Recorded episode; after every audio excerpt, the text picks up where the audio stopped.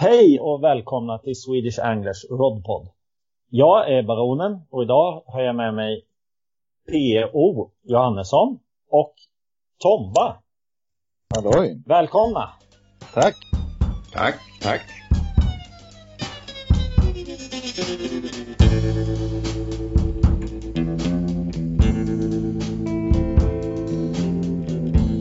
Swedish Anglers Rodpod presenteras i samarbete med Fiskekompaniet. I've had enough of your bullshit to last me a lifetime. So get out of here.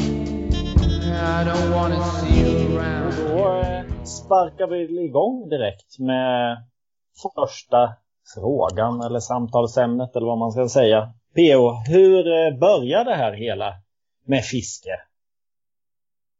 Ja, jag har ju en ganska klassisk eh, beskrivning av det, eller klassisk berättelse för min del. För det var min pappa som var väldigt naturintresserad, är väldigt naturintresserad och fiskeintresserad sedan barnsben han också. Som tog med mig på fiske. Så att eh, jag var kanske tre, fyra år när jag fick sitta i hans hemsnickrade eka för första gången med ett bambuspö i tre delar i näven och så fick han väl sätta på masken gissar jag. Och så blev det nog någon abborre där som jag kommer ihåg det. Rödbulligt flöte och sådär. Det var liksom inte eh, Kevin Nash eller de här killarna som kan meter på riktigt på det sättet som vi kom sett från England. Men det var väl någonstans så. Rätt fantastiska minnen ändå. De här bambuspöna, det var precis likadant så jag började. Det var ju bambuspö och rödvita flatten och ganska grov krok med en mask på liksom. Ja, och det var ju, jag, jag kommer ihåg, just, jag hade bara ett spö med tre bambudelar och, och min pappa han hade ett i fyra delar och jag tyckte det där var orättvist. Men jag klarar inte av att, att lyfta hans spö så det kanske var vettigt på, på något sätt. Mm. Och så vart det spinnfiske på det där då? Eller? Ja, det, det vart eh, lite allt möjligt. Det, det, det var väl, eh, jag köpte ett AB Junior set. Klassiskt grön klinga, genomgående glasfiber och en Abumatic 220. Ett sånt set köpte jag när jag var 10-11 år. Och eh, då första gången jag provade det så fick jag fyra, fem abborrar och, och avslutade det fisket från en brygga eh, med att tappa en gädda som jag tyckte var jätte, jättestor. Och sen var man ju helt, då var jag verkligen fast. Ja, det är ju in, en inte helt ovanlig story. Det är väl så de flesta har börjat, antar jag. Ja, så är det, när man har den åldern som jag har, då är det liksom Abumatic och, och hel, hel, helgjutna glasfiberklingor man pratar om. Det gör ju inte riktigt de som är några generationer yngre. Nej. Som tur är kanske. Ja, det kan man väl säga. För Ja, dem. Men de var tåliga de där glasfiberspöna. De var bra. Jag vet jag hade något gammalt AB glasfiberspö med som jag lyckades få in i cykelhjulet på cykeln. Men det var i stålringar och allting. Så det, det fladdrade ju bara till lite. Och sen så var det ju bara att köra igen. Det var att reparera, reparera cykeln istället. Ja, fortsätta. på. Ja, jag byggde om mitt sånt. Eh, bottendelen till det är fortfarande i garaget faktiskt. Och det är gjort och tänkt att vara ett riktigt jäkla styvt lakpimpelspö. Det använde jag det som en, en period. Det var inte mycket aktion i det, men man kände när lakanen höll kan jag säga. Men vad heter det? Nu kanske vi går lite fort fram här. Men du känns allmänt så här mäckig, eller hur man ska säga. Det är väldigt mycket så här. Tänker på lite nya grejer hela tiden. Bygger om saker, testar, visar. Har det alltid varit så? Eh, ja, det, det har jag nog. Jag, jag får en idé i huvudet på att jag vill få någonting som funkar bättre än, än det jag redan har. Och, och för det mesta så, så är jag inte så eftertänksam så jag eh, ser till att beställa grejer eller åker till en affär. Utan jag börjar rota någonstans hemma och se vad jag har för någonting och sen gör jag saker som blir ibland helt värdelösa. Och ibland blir det grejer som funkar. Som någon inledning och, och ibland tröttnar jag fullständigt efter det där första försöket med det där. Men ibland så spinner det iväg och blir mer idé av det. Och, och då kan man börja jaga grejer på riktigt så att säga. Och fixa och trixa. Mm. Ja, jag känner igen det där. Jag håller mycket på med sånt där och experimenterar. Och jag har byggt om rullar så man får lite mer kullager i dem. Och ja, byggt om spön om något har gått av så man kan använda till något annat. Eller... Den, den biten är ju lite tråkig då för att det mesta går ju att köpa. Det mesta går ju att köpa rätt billigt. Så att, det är ju inte bara fiske utan det är väl allting nästan. Mm. Som man kan pyssla med. Att mm. Den här självskapar grejen, alltså den, den är inte lika påtaglig idag som den var för ja, 20-30 år sedan. Det är den kanske inte, men samtidigt, jag, jag höll så plocka i ordning innan, innan ni ringde här, plocka i ordning för en, en gäddtur imorgon. Och, och då plockade jag bland annat ner två busterjörkar som jag fick i förrgår i posten. Och de har jag redan varit på och målat lite på huvudet så att jag ska se dem bra i vattnet. Så att eh, det, det, det går ju att fixa och trixa med allt och det är kul att göra det. Mm. Ja, det ger ju en, en lite annan dimension på saker och ting. Men vad heter det metet då? Hur ramlade du in på det där då? Ja, det var faktiskt min bror. Jag, jag har två bröder. Eh, en bror som är knappt två år yngre och en som är fyra år yngre. Och min knappt två år yngre bror, han är, är ännu nördigare än jag. Han började älska Arsenal när han var sju år och det gör han fortfarande. Han är äldre än 55. Jag är ju 58, han är 57. Eh, och ett tag, jag tror han måste, han måste läst Fiskejournalen för den hade vi tidigt. Och så stod det om det här med engelskt mete. Och då köpte han en hel låda med säkert 40-50 olika flöten i. Flöten som vi, hade aldrig sett sånt förut. Han tröttnade ju rätt fort på det där men jag eh, började rota med de grejerna. Och så var det han och en annan kompis som också tror jag läste i Fiskejournalen om sutare. Och det hade vi ju hört talas om att det fanns i närheten av oss, en, en och en halv mil ifrån oss fanns det sjöar det skulle finnas sutare. Så det var min bror och hans kompis som var där och gjorde de första försöken och faktiskt efter tre, fyra gånger fick de en sutare. Och det där satte sig i mitt huvud också och deras beskrivning av eh, hur de fick de här. Eller såg ytterligare någon fisk och så fick en sutare som vi upplevde som gigantisk. Den var kanske 1,5, 1,7 något sånt där. Och, och, då började jag riktigt snurra in på det här med sutare och det var på något vis det som var avstampet, sutare och så födde det ålfisket lite av slump faktiskt kopplat till sutarfisket. Och så blev det ålmet av det. Och sen började man jaga allt möjligt med meter. Och nu pratar vi 70-talet då? Ja, herregud. Det gör vi. Mm. Vi pratar eh, 70-tal innan Sex Pistols släppte sitt första album. Vilket är också en milstolpe om vi pratar musik. Och den kom, jag vet ingenting om punk men jag skulle kunna tippa 77, 6, 8 någonstans där. Ja, jag tror de kommer sitt album eh, Nevermind the Bollocks, tror jag det heter. 76 eller någonting sånt. 75, 76. Mm. Och så kom det Clash och, och lite andra klassiska punkband. Ja. Det var lite oväntat att du lyssnade på punk. Ja, det är inte. Snabbt. Ja, hade du inte gissat det? Jag, jag, är, jag är punkare i själen. Jag skulle vilja att våga vara så fräck som punkarna var då, de som var punkare på riktigt. Svartklädd och håret rätt upp och eh, vi skiter i det där med nålar genom kinderna, det hade jag aldrig vågat ge mig på. Men i övrigt skulle jag vilja att vara så fräck som de eh, var på den tiden. Ja, men eh, så formar ni ju det här som jag har varit på fenomenal Mm, det, det var, vi, vi blev ju också, vi läste ju Fiskejournalen och kompisarna, bläddrade sönder de tidningarna och så kom man med den här specimentävlingen där och så var det Arne Broman som skrev och så var det engelska influenser. Och, och, då hade vi börjat fiska sutar och så hade vi av misstag när vi faktiskt skulle fiska sutare så fick vi våra första ålar. Stora ålar. Och sen inriktade vi oss efter stora ålar i, i det område som vi fick. Hade börjat få dem och då fick vi sutar. Så det var lite snurrigt där ett tag.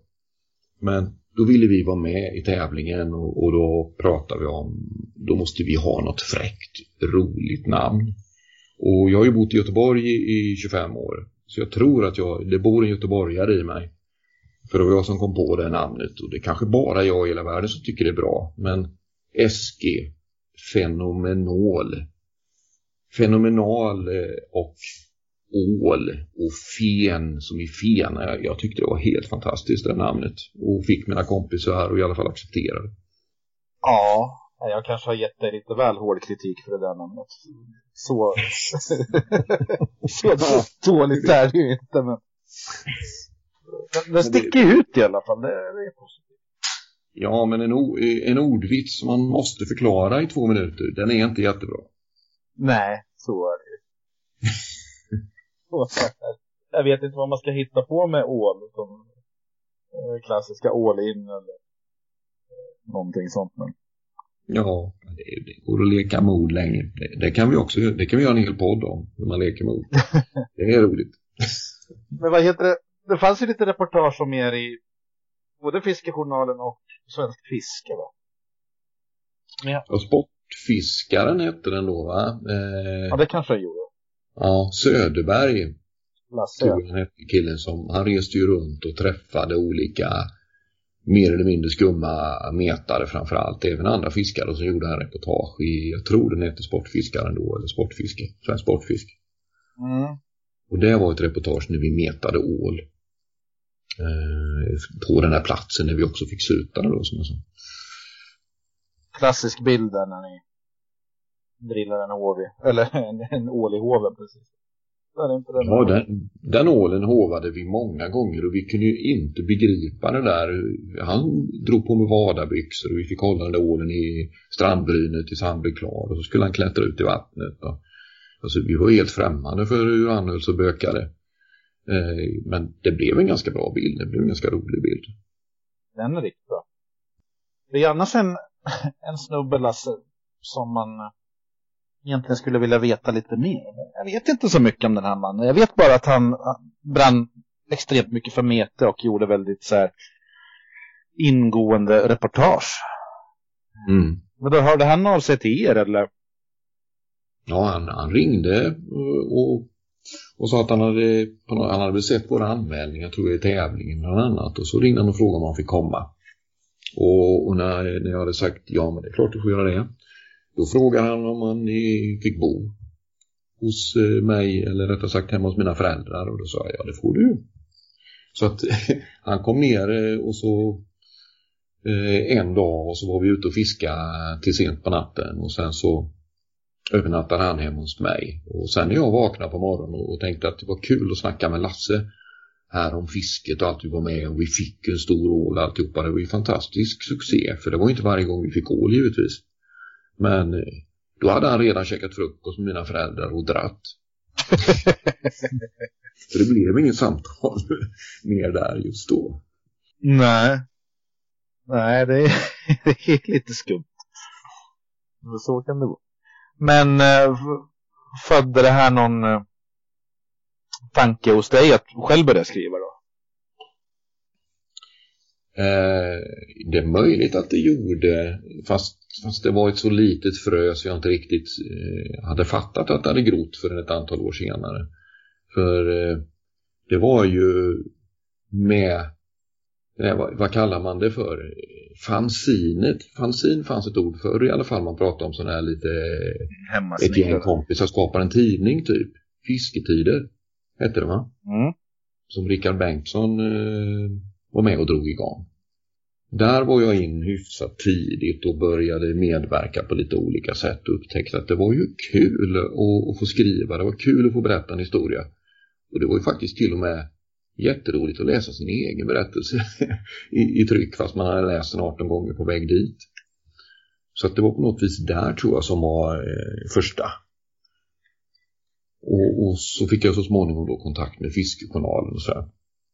Eh, men, men det, min kontakt med Fiskejournalen det är, det är en lång historia, jag ska försöka göra den kort. I, i, i, i tidningen Fisketider så då och då så luftades det att det var alldeles för lite mete i, i eh, tidningen Fiskejournalen. Och vad dåligt att de inte fångar upp det mer. Det här är ju verkligen på gång och det är det fräckaste fisket vi har. Och jag uttryckte mig lite slarvigt någon gång i, i tryck i tidningen att eh, någonting om att det var någon som tyckte att ja, fiskejournalen det är ju inte bättre värt än dasspapper och då hade jag uttryckt någonting sånt att jag tänk om den ändå var tryckt på dasspapper kunde man haft den till det i alla fall. Och det där blev ju tryck i fisketider. Eh, och det där läste Olof Johansson, chefredaktören för Fiskejournalen. Och han blev ju inte jättenöjd. Fick jag höra på omvägar. Men, men sen ett antal år senare när jag hade flyttat till Göteborgsområdet då reste jag till redaktionen och så knackade jag på dörren eh, där, där redaktionen låg och presenterade mig och sa ja hej eh, P.O. heter jag och eh, vi har inte träffats förut men det var jag som skrev att tidningsjournalen nog var bättre om den trycktes på dasspapper för att den hade ingen värde i övrigt. Och därifrån växte en vänskap fram mellan honom och mig faktiskt med den lite dåliga starten. Så så lärde jag känna Olof Johansson, den, den store tidningsmannen Olof Johansson som var med och skapade Fiskejournalen. Mm. När var det här då? Ja, då när jag, när jag klev in där och stod på redaktionen, det måste varit någon gång när jag hade börjat jobba i, i kommunen Lerum utanför Göteborg. Så att eh, jag gissar 89 kanske. Mm. Då hade jag nog dessförinnan haft eh, någon eller ett par artiklar i Fiskejournalen. Så hade, han hade accepterat skrivna ord från mig efter mitt lite grann klumpiga klavertramp. Dessförinnan, men då, då eh, tog jag tillfället att träffas på riktigt. Ja, det här med fisketidningen var ju en lite större grej då än vad det kanske är idag. Men på många olika sätt. Alltså, nätet har ju såklart tagit över, tråkigt nog. Alltså, jag tycker en fisketidning måste man ju ha. Jag håller med dig. Det, det är något speciellt med att bläddra i en tidning. Och det, det tycker jag om dagstidningar också. Och då tycker säkert eh, yngre personer som lyssnar på det här att gud så stenålders. Det bästa är att läsa på telefonen eller på platta eller vad det nu är. Jag tycker det är trevligare och eh, skönare att sitta med en tidning och bläddra lite. Vi pratade med baronen om det här idag. Jag sa att mm. fisketidningarna är ju som bäst när de är 20 år gamla minst. lite vintage sådär. Nej men alltså det blir så här att med datorn och allting att om någon får en stor abborre-legenda eller någonting så det, när tidningen väl kommer ut i tryck så är det ju inte rykande färskt längre. Det, det blir Nej. så här att, ja men vad fan, det där har man ju läst. Mm. Men hur ofta går man tillbaks till gamla nyheter på nätet? Nätet är ju lite mer färskvara. Du läser någonting och sen är det borta för, för evigt. Medan en tidning består ju. Så att det väcker ju gamla minnen att ja just det, den där fisken och den där artikeln. Mm. Så att den håller ju en annan dimension som kanske nätet inte har och yngre människor kanske inte riktigt kan relatera till en bra artikel, det är ju som en, det är som en skiva. Alltså du kan ju, ju plocka fiskejournalen från ja, 85. Den håller ju fortfarande en, en fin höjd, vissa artiklar. Eller ja, de flesta artiklar. Så att, ja, jag håller med dig. Det, det är mycket som mycket som skrevs för, för 10 år sedan eller 20 år sedan eller 30 år sedan och läser man en artikel i ett ämne som är, man är intresserad av och fortfarande håller på och fiskar fortfarande så nog fasen finns det någonting som får en att haja till lite grann och börja fundera igen. Jo, det tryckta ordet blir ju inte lika daterad som en, som en film. Alltså, jag menar, kollar du på, fan vet jag, handbollsfinal 1990 så ser det ut som att det är 1890 för att bildkvaliteten är ju si så kläderna är konstiga. Så, men läser du en text från 1990 så känns det ju, det här kan lika gärna ha varit skrivet för hundra år sedan eller igår. Mm, mm, mm det är också en sån här grej som att det blir lite mer tidlöst på något vis. Mm. Mm. Det blir både tidlöst och eh, bestående på ett annat sätt. Mm. Men vad heter det, specimentiden? Måste vi surra. Lite mer kring då. Mm. Eh, olika, förutom sutare och ål då, gick du över till någon, några andra arter eller några speciella fiskar som du tycker är, som du fångar under en tid som, som du håller högt? Ja, eh, det var ju i, i det systemet vi fiskade där vi fick eh, sutare och ål mest. Vi fick ju några fina abborrar på, på meta också men det körde vi inte jättemycket efter. Men, men eh, varje vår så steg det upp i den ån som rinner ner i första sjön i Svärdstorpssjön. Det steg det upp eh, mört och lekte varje år och så följde stora abborrar med och de fiskade vi efter där då. Eh, och då helt plötsligt när vi fiskade där då fick vi något som vi inte visste vad det var. Så såg jättekonstigt ut. Det såg ut lite som en haj. Men det insåg vi att haj är det ju inte. Och så var de nästan som när man hade sotat dem på sidorna och lite orange på vid fenorna om jag kommer ihåg rätt. Och det tog ett tag innan vi klurade ut att det där är en vimma. Och, och det var ju en fantastiskt rolig fisk. Eh, vi hade knappt hört talas om dem när vi, när vi började få dem vid det fisket. Och då var det vid vimmor i lekdräkt också. Jag tror att det är hannarna som får den där speciella dräkten. Ja, det är det. De är ju grymt starka de fiskarna, vimmor. Var stora eller? De vi fick var kanske 6, 7, 8 hekto, något sånt där. Det är inte jättestort för att vara en vimma, men när, man håller på och metar, när man får dem först, om man har grejer för att fånga mört som ska funka som abborrbete, då, då drar det till bra i grejerna när de där 7 hektos vimma drar på. Ja, det är ju metets kanske stora dragningskraft just det att man, man riktar ju, man kör ju så himla tunt ibland så att men, fiskar under kilot, de kan ju faktiskt ge en jävligt bra fight. Speciellt Mm. strömmande vatten. Mm, mm, Ja, som björksjön till exempel, den hittar man ju ofta i strömmande. Sträckor och rätt djup sådär, så de får ju fightas rätt bra faktiskt som man får in en, en halv kilos fisk. mm. Ja, och, så, och så för min del var, var det också väldigt, väldigt mycket det här med sutarfisket. När vi flyttade från Östersjön som sjön hette, där vi började få sutare och där vi också fick de mesta ålarna upp till Svärdstorpssjön som ligger två sjöar upp i samma system. Ni kanske har varit där till och med, jag, det vet jag inte. Men Nej. då, då, eh, då hade vi ju inspirerat så mycket av Fiskejournalen så då bestämde vi jag tillsammans med kompisarna att vi ska satsa så som de gör. Så som de beskriver att de gör i England. Så vi röjde platser och så la vi upp mäskningskampanjer på tre, fyra veckor på raken. Där vi var där varje dag och, och mäskade de här platserna. Och förbjöd varandra att fiska innan vi hade mäskat färdigt så att säga. För att vi alla skulle få vara med om och, och det där magiska när man börjar fiska på en nymäskad plats. Och de sutarfiskarna vi hade då, det var ju någonting i hästväg.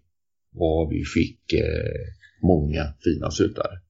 Sutan är ju annars rätt så svår. Alltså det kräver ju ofta att man, man speciellt vatten när de har mycket käk så då får man ju mäska rätt länge innan de väl fattar tycke för majs och sånt där. Mm. Man ska inte tro att det bara mäskar två, tre dagar och sen har kalasfisk. Det kräver ibland lite längre tid. Ja, och, och då, eh, då när vi började läsa om sutare då, då var det ju så ovanligt att man fick sutare så att, eh, och i, även i beskrivningarna när Arne Broman och kompani skrev om det att det var ju rykten, eh, man pratade med äldre, då äldre människor och sa att ja, sutare, det, det, de går inte att fånga på meter. Det går inte.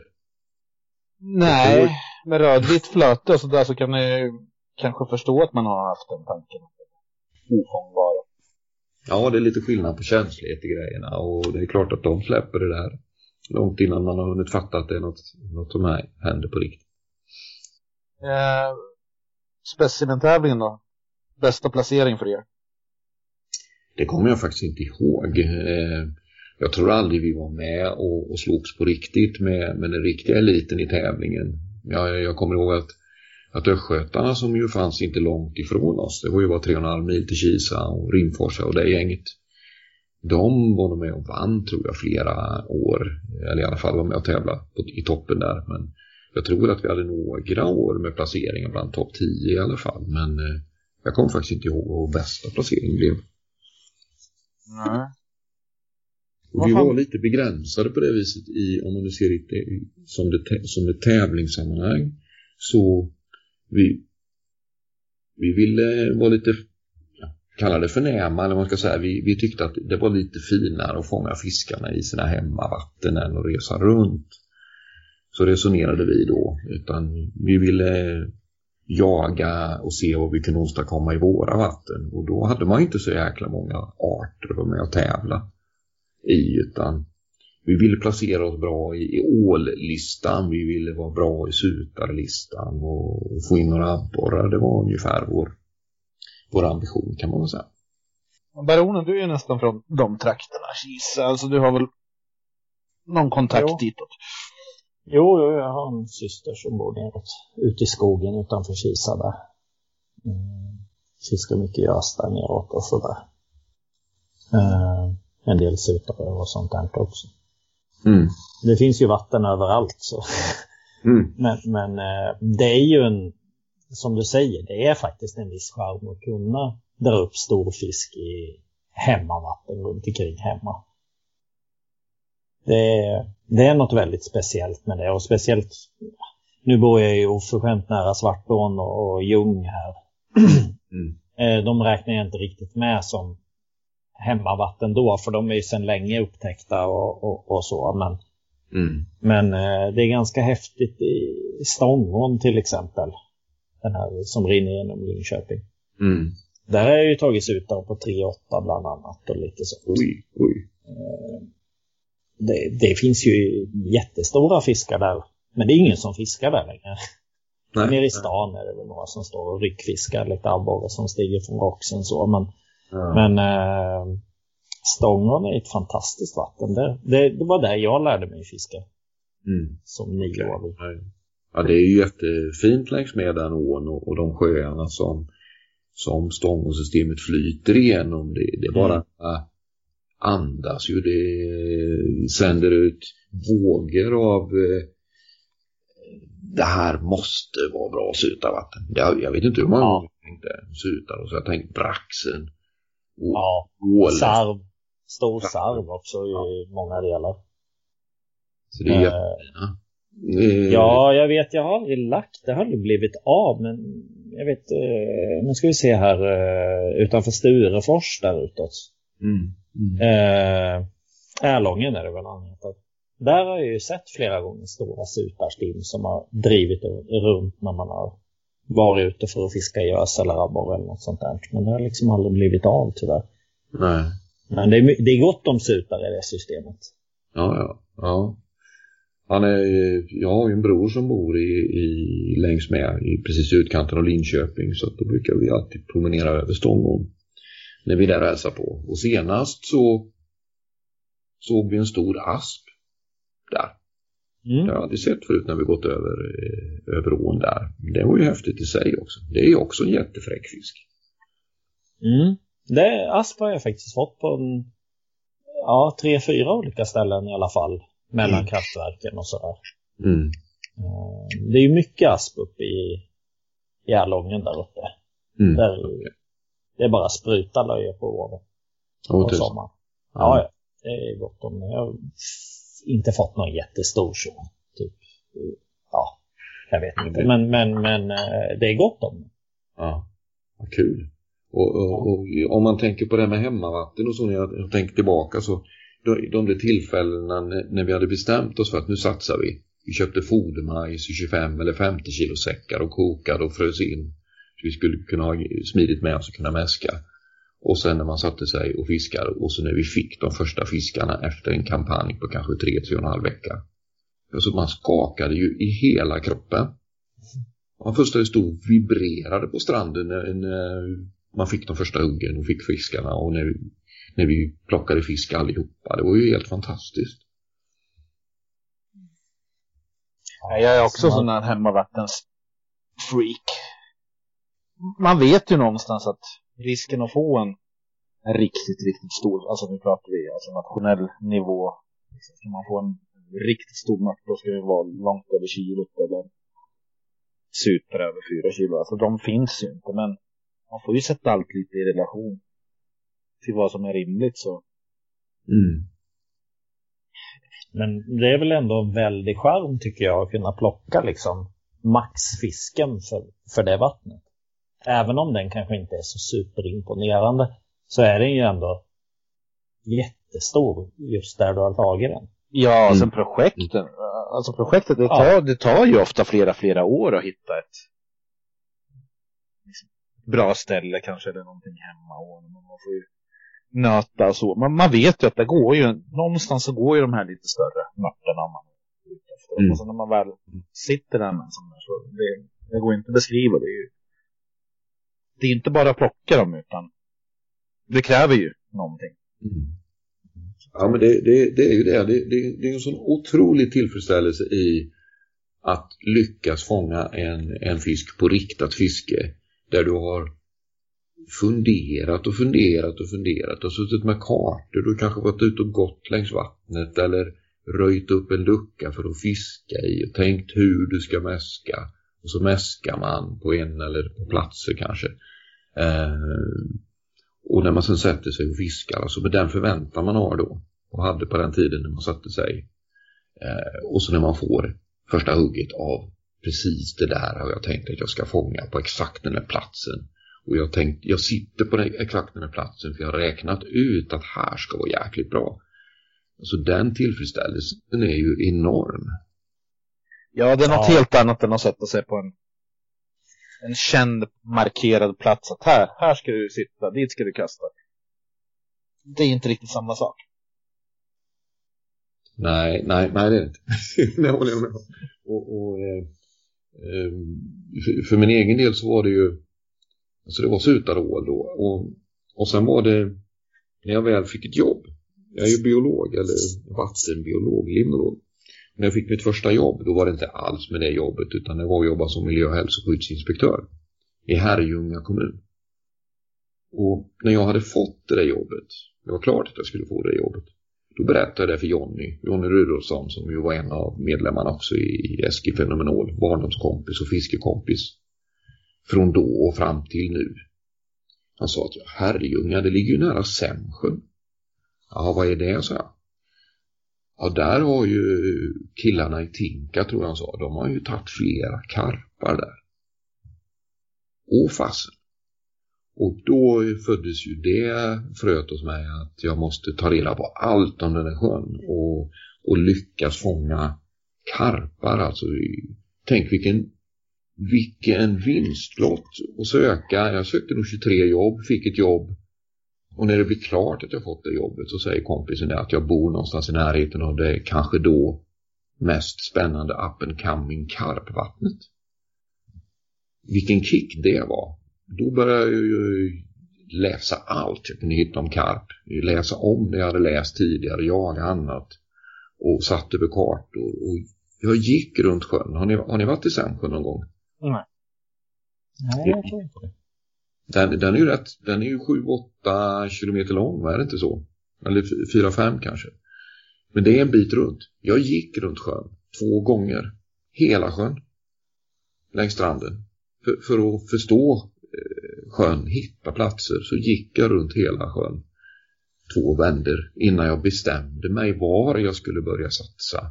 Var jag skulle lägga upp mäskningskampanj för att lyckas fånga karp där. Vad letar du efter då? Jag letade eh, efter platser med vegetation så som jag hade läst mig till då av det jag hittade i engelska tidskrifter och, och även i Fiskejournalen-reportagen. Så vegetation och så vill jag gärna hitta platser som då rättvända för, för vind. Jag tänkte att eh, där det för in varm vind. Och, och så plats som också var möjlig att komma åt självklart utan allt för mycket jobb. Men eh, det slutar ju med att när jag väl hade bestämt mig då, då körde jag tre olika platser. En i varje ände av sjön och sen en i, i, ja, i södra änden körde jag två hörn av sjön kan man säga. Så jag körde på tre olika platser samtidigt. med Eh, och en av de platserna fick jag ju röja en, en, en lucka i vassen som säkert var 15 meter vassbälte och 15 meter brett. Så det var ju ett projekt bara i det. Men sen körde jag eh, och då ville jag, då ville jag kunna välja oavsett vilken vindriktning det var så ville jag kunna välja en plats som jag hade förberett och mäskat och som var klar att köra på med vind inåt. Och sen, sen fiskade jag, när jag fiskade första säsongen där så fick jag ju, jag tror jag mäskade nästan tre veckor innan jag gjorde ett första försök på första platsen. Och jag tror att det var så att jag hade jag kommer inte ihåg, jag hade 23 pass på raken eller någonting sånt den sommaren. För jag fiskade på nätterna och jobbade på dagarna. Eh, jag, jag, jag var rätt trött när jag jobbade. Och jag tror jag hade 23 pass på raken, något sånt där. Jag fick karp i varje pass. Var, men då flyttade jag runt mellan platserna. Vilken eh, tidsålder pratar vi här nu då? Jag började, ja detta var 1900 89. Jag fick jobb i, i eh, Herrljunga kommun i början av 89. Typ jag började nog jobba i februari eller någonting sånt där. Och så använde jag hela den tiden fram tills det var säsong som man kunde fiska. Till att bara tänka karpfiske, gå runt sjön, sitta med kartor, få tag i material så jag kunde göra egna boilies. Satt i det lilla köket jag hade och rulla boilies leverpastejen smakade eh, av någon konstig smak jag fått tag i så jag kan fortfarande inte, jag tål inte den doften fortfarande. Ganska många år senare. Drygt 30 år senare. Allt i hela lägenheten luktade av den där boilie-smaken jag körde. Och sen så åkte jag ut varje kväll efter jobbet och mäskade de här platserna. I nästan tre veckor innan jag gjorde ett första försök. Hur kändes det när första runnet kom då? Vad hade, du för, vad hade du för förväntningar? Alltså när man, när man börjar från scratch, om man säger sådär, som du har gjort då, liksom, funderat ut. Och vad, vad har man för, tänkte du så här att du är nöjd om du får en på hela säsongen eller? Eh, ja, först att få en karp, det var eh, ett delmål i sig och, och sen fanns ju tanken där någonstans i bakhuvudet att tänk, tänk om man skulle kunna fånga en karp över 10 kilo. Det skulle vara helt fantastiskt. Och, och eh, då var det ju, blev det ju så fantastiskt för min del att den allra första gången jag fiskade efter att ha mäskat då ganska länge och lämnat platserna i fred. Och sen fiskade jag över en natt, jag skulle jobba dagen efter. Då fick jag en fisk på natten, kanske kvart över ett, det var kolsvart. Och så småningom fick den i hoven, jag tyckte den var gigantisk. Men jag hade ingen våg med mig. Så att då säckade jag den där, för det hade jag, en karpsäck hade jag. Då la jag den i en säck i strandkanten och sen gick jag, det var över en kilometer till där bilen stod. Och sen körde jag till något så konstigt som en telefonkiosk i eh, Annelund eller Ljung, jag kommer inte ihåg vad samtal, sam, eh, samhället hette. Och så ringde jag till den person jag kände som var närmast. Och det var Roger Rudolfsson, det var bror till Jonny ringde vid halv två, kanske klockan var halv två, kvart i två. Och väckte honom.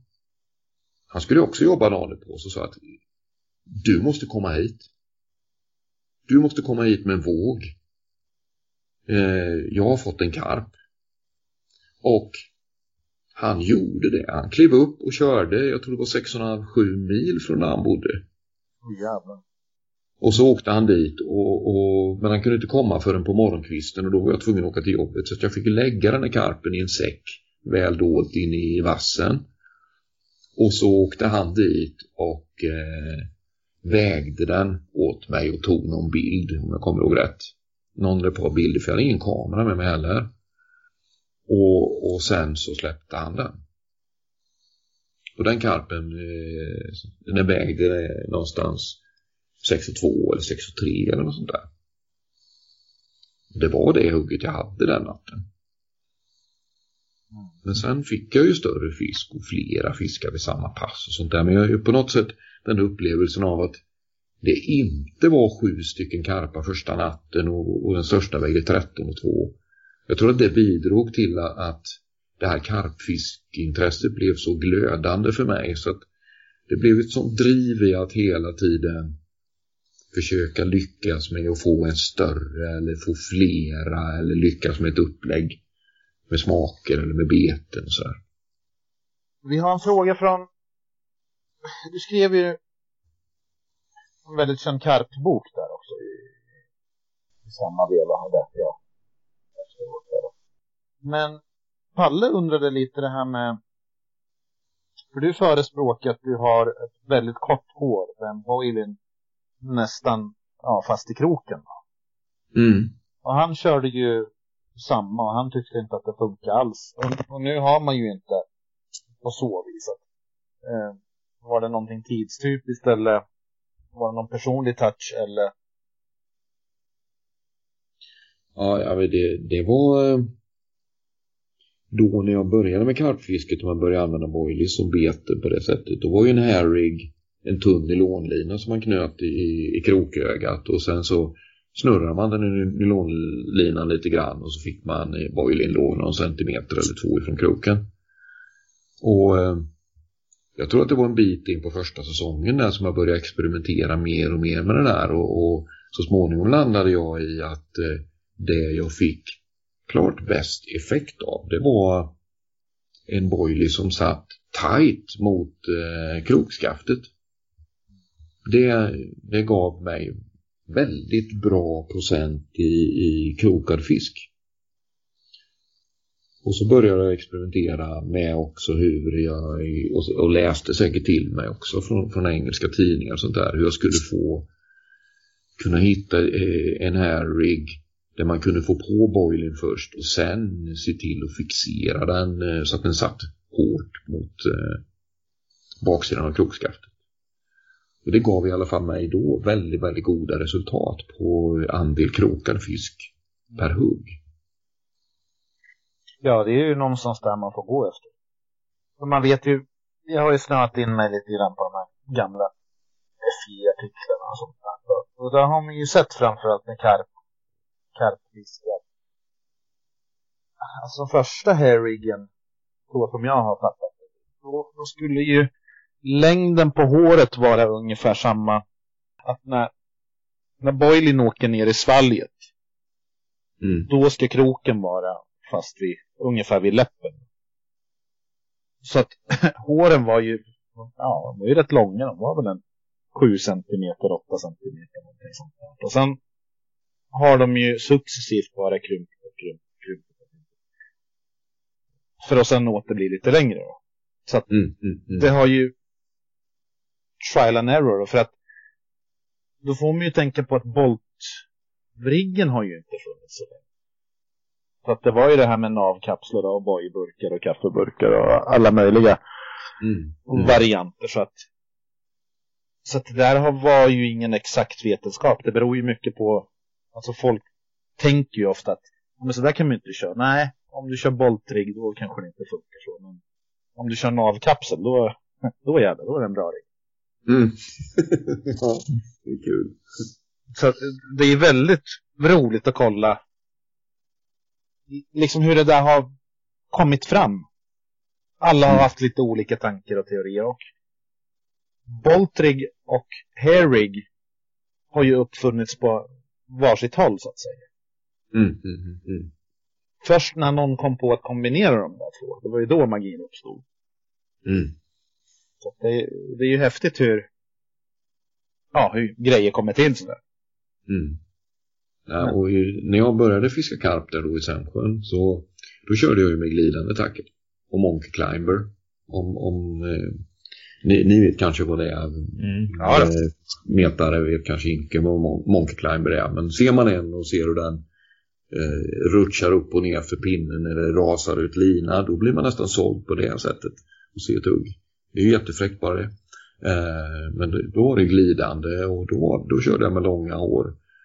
Och sen läste jag då om boltriggar och började experimentera och så med det. Och jag började och experimentera mycket med hur långt det här håret skulle vara. Och som sagt, det var ju, jag kommer inte ihåg exakt hur pass långt in i mitt, mitt karpfiskande som jag landade i att ja, men det här med korta hår det är överlägset.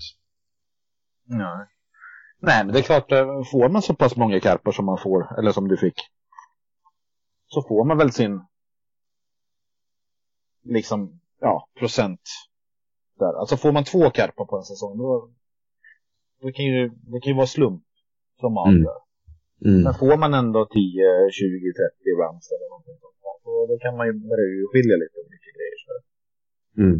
Det är ofta det som man tycker är så jävla svårt med karpfiske idag att kör du efter mört och du kan räkna med att ja, men fan åker jag ut och fiskar efter mört då får jag ju mellan 50 och 100 mörtar.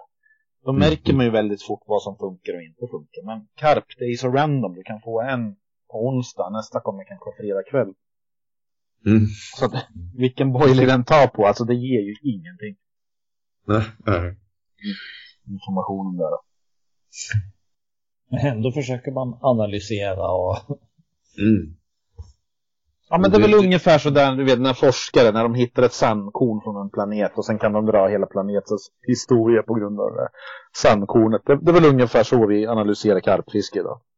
Ja, eller de hittar en liten benbit och, och sen så helt plötsligt så har de 3D-modellerat i datorn en, en Tyrannosaurus rex. eller något annat. Mm. Funderar man ibland på. Hmm, det kanske inte riktigt ser ut sådär. Nej. Men vad heter den här, nu är vi på karpfisken, vi får backa lite, den här specivalen. Den vill vi höra allt om. Mm. Ja, där har vi ytterligare en ordlek om man börjar i namnet. Specimenfestivalen och så blev det ordet specivalen av det. Så som sagt var det någonstans inom mig alltid funnits en göteborgare. Så, Det- så det var- Festimen var inte ett alternativ. Nej, specimenfestival och så specival. Ja, vi, det kändes gött liksom. Kändes bra va? Ja men den var, den är faktiskt bättre, det kan jag ge dig. Ja, tack. Underbart. Och, kontakta mig när du vill ha en dålig ordlek eh, som, som du får förklara. Eh, nej, och då var ju tanken att då var ju specimenfisket och tävlingen och, och sådär. Men det var ju grupper som drog runt och i, till olika vatten och så var det de som höll sig i sina hemmavatten och sånt där. Men det, det var ju, man höll sig med sitt gäng liksom. Och då tänkte vi att vad, vad kul det skulle vara om vi kunde göra någon form av eh, happening eller event. Jag tror inte ord, de orden ens fanns i svenskan då. Men samla alla sådana här dårar som tycker sånt här är fantastiskt och så, och så har man ett tillfälle på, jag tror det var två nätter som, det, som vi körde. Och så tävlar man just då i att fånga de största av en eller två arter. Jag tror vi körde ål och i, i den vi ordnade, den där specialen i Nästången. Eh, och det, det blev, och så tror jag vi ordnade övernattning i en gymnastiksal, gymnastiksalen i eh, samhället Österbymo. Där hade vi någon övernattning för alla som var med, har jag för mig, och inte så låg ute vid sina spön. Och där hade vi väl också lite prisutdelning och sånt där. Och Christer Johansson kom dit från Fiskejournalen och tog någon bild. Och sen skrev man inte så mycket om det. Jag undrar om det inte var det där som triggade igång mig och, och jämföra Fiskejournalens papperskvalitet med, med danspapper. Det var väldigt liten inte Det notis. fick större uppmärksamhet eh, det här tillfället. Ja, vi hade fest också för tusan. Vi hyrde ju det som fanns och festlokal i Österbymo. Det var en eh, typ ett Folkets hus som vi hyrde. Där hade vi ju middag och fest och hela millevippen. Så att, ja, det var en jättekul grej att göra. Hur många kom då? Det är fantastiskt. Jag tror det var eh, någonstans 25-30 lag kanske. Oj jävlar. Det är ju en drömluffra idag. Ja, det låter helt magiskt roligt. Det var jättekul. Och, och då träffade man en massa människor som man tidigare hade man sett dem med sitt namn på någon av listorna med några av arterna. Jag vet att vid det tillfället bland annat eh, träffade jag eh, Stefan Trumman Trumstedt första gången. Fick man höra stockholmska på det sättet. Ni hade väl någon föreläsare också va? Ja, det stämmer. Peter Gran höll ett föredrag. Det, det stämmer. Mm. Det var väl ungefär där jag kunde läsa mig till. Alltså, det är som du säger, det, det var ju inte mycket det stod. Det var ju ungefär en liten notis. Ni, ni hade ju någon teaser där. Något, någon nummer innan. Då. Mm. Och sen stod det bara att ja, specialen var, den var väldigt lyckad. Och vi hade en ja, fest och föreläsning. Det var, det Mm. var ju lite av ett antiklimax. Alltså, Ja. själva rapporteringen därifrån. Jo, nej, men det upplevde vi upplevde det ju som en besvikelse att, den inte, att det inte fick mer uppmärksamhet. För vi var ju totalt insnöade i det där, vi som hade engagerat oss i och skapade. Vi trodde ju att det där var, alltså när man sköt upp första månraketen eller något i, i, i den uppmärksamhet som det borde få. Det var ju inte riktigt på den nivån, men vi blev lite besvikna då.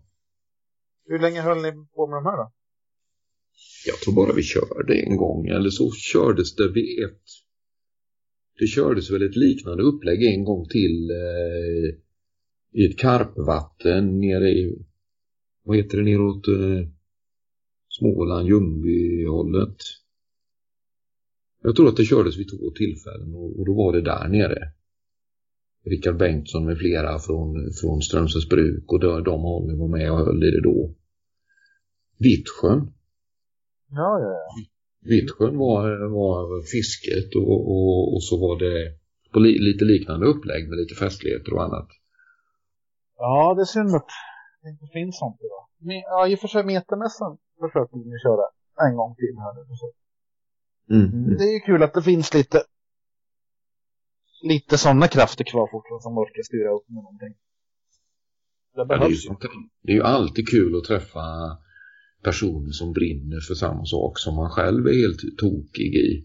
Det kan, man, man kan ju prata eh, hur länge som helst med en person som man aldrig har mött tidigare.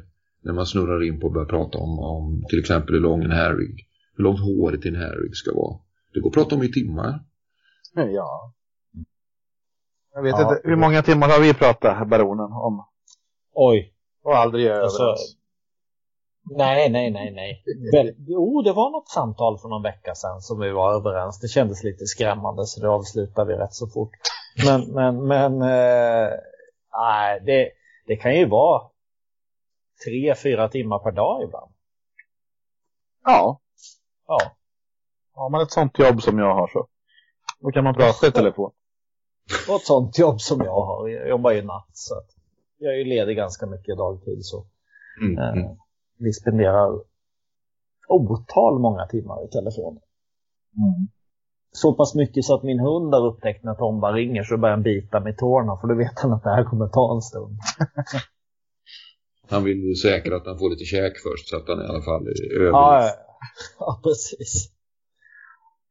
Men vad heter det, jag tänkte på det här med, med driftigheten för att du har ju verkligen varit, jag vet inte om du själv uppfattar dig sådär som, men du skriver en karpbok och specialen och stått på mässor och kört video, varit utomlands och fiskat. Alltså, det är väldigt mycket det här med att du liksom driver på olika grejer hela tiden.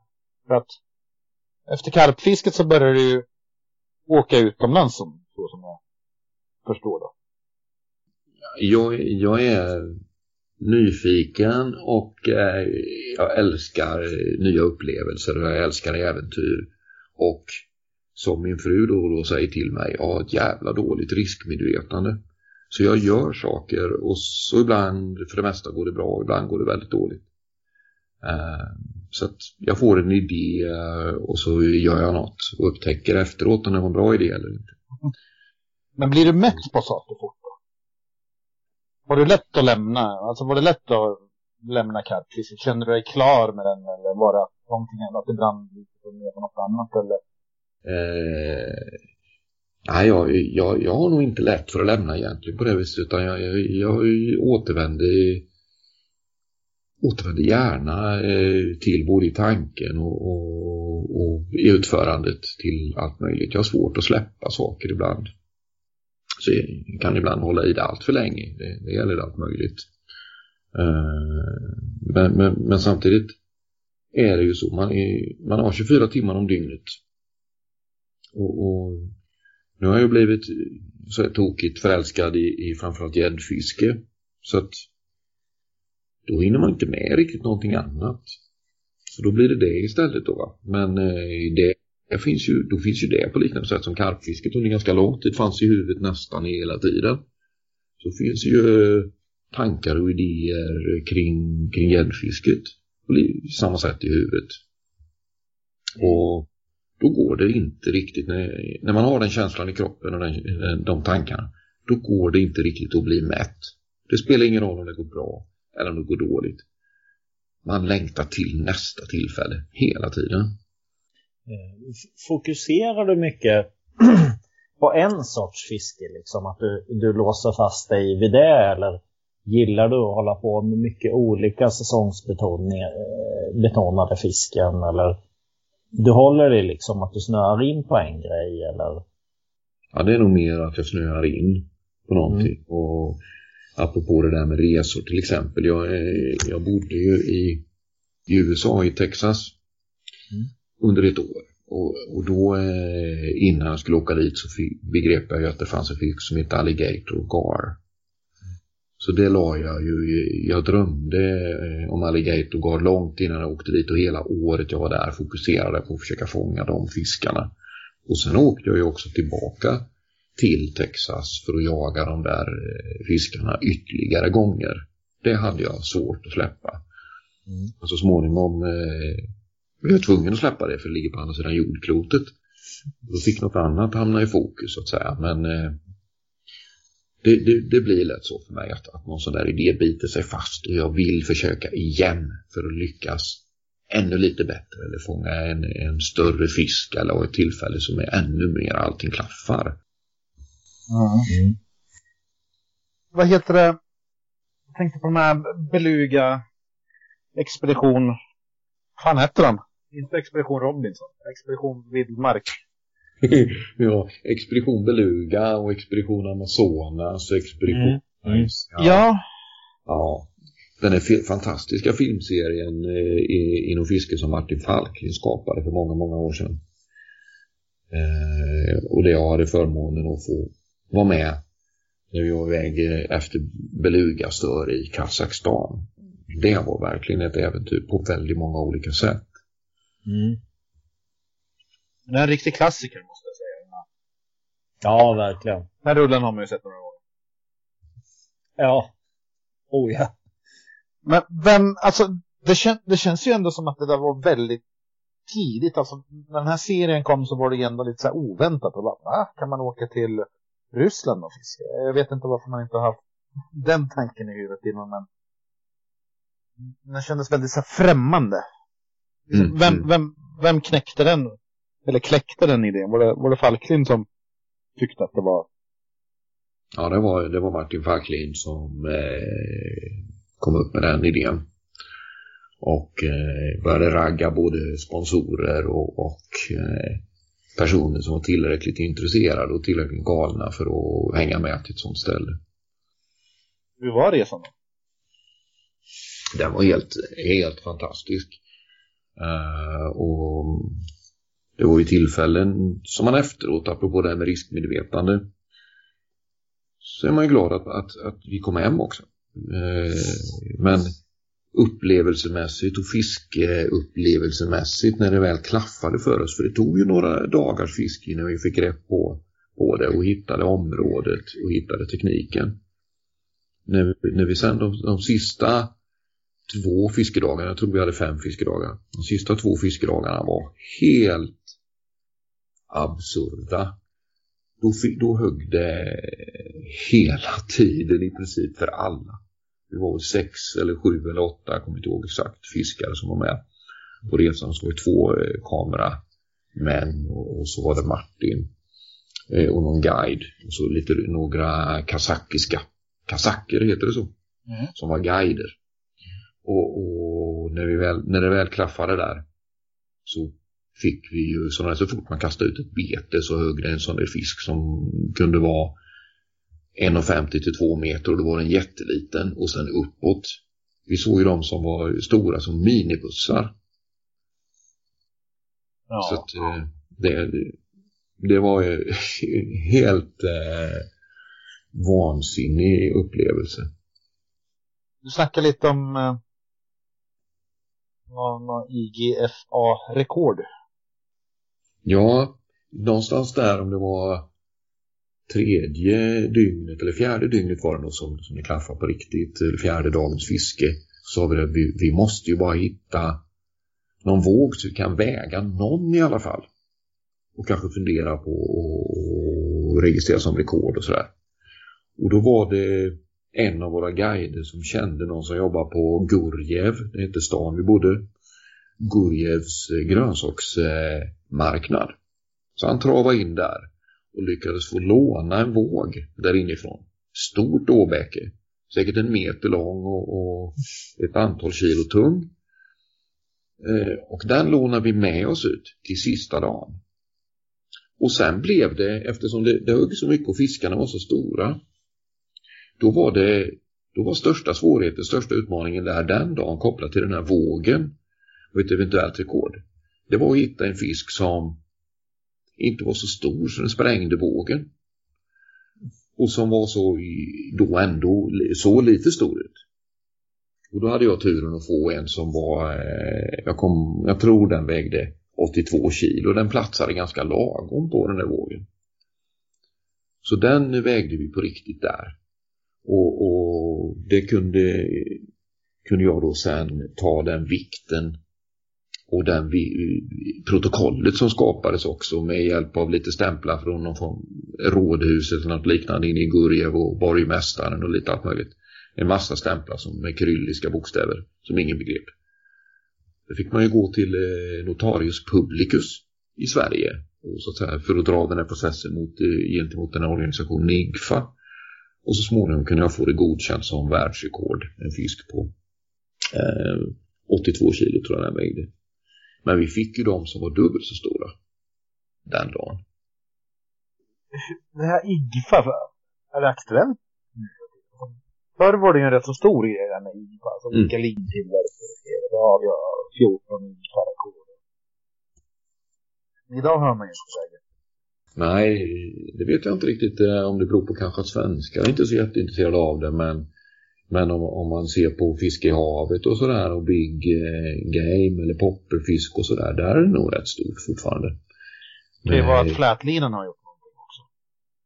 Så kan det vara också. Det kan vara nylon. Eh, Det var ju mycket nylon för, förr. Alltså det är enklare att säga att det är någon av 25.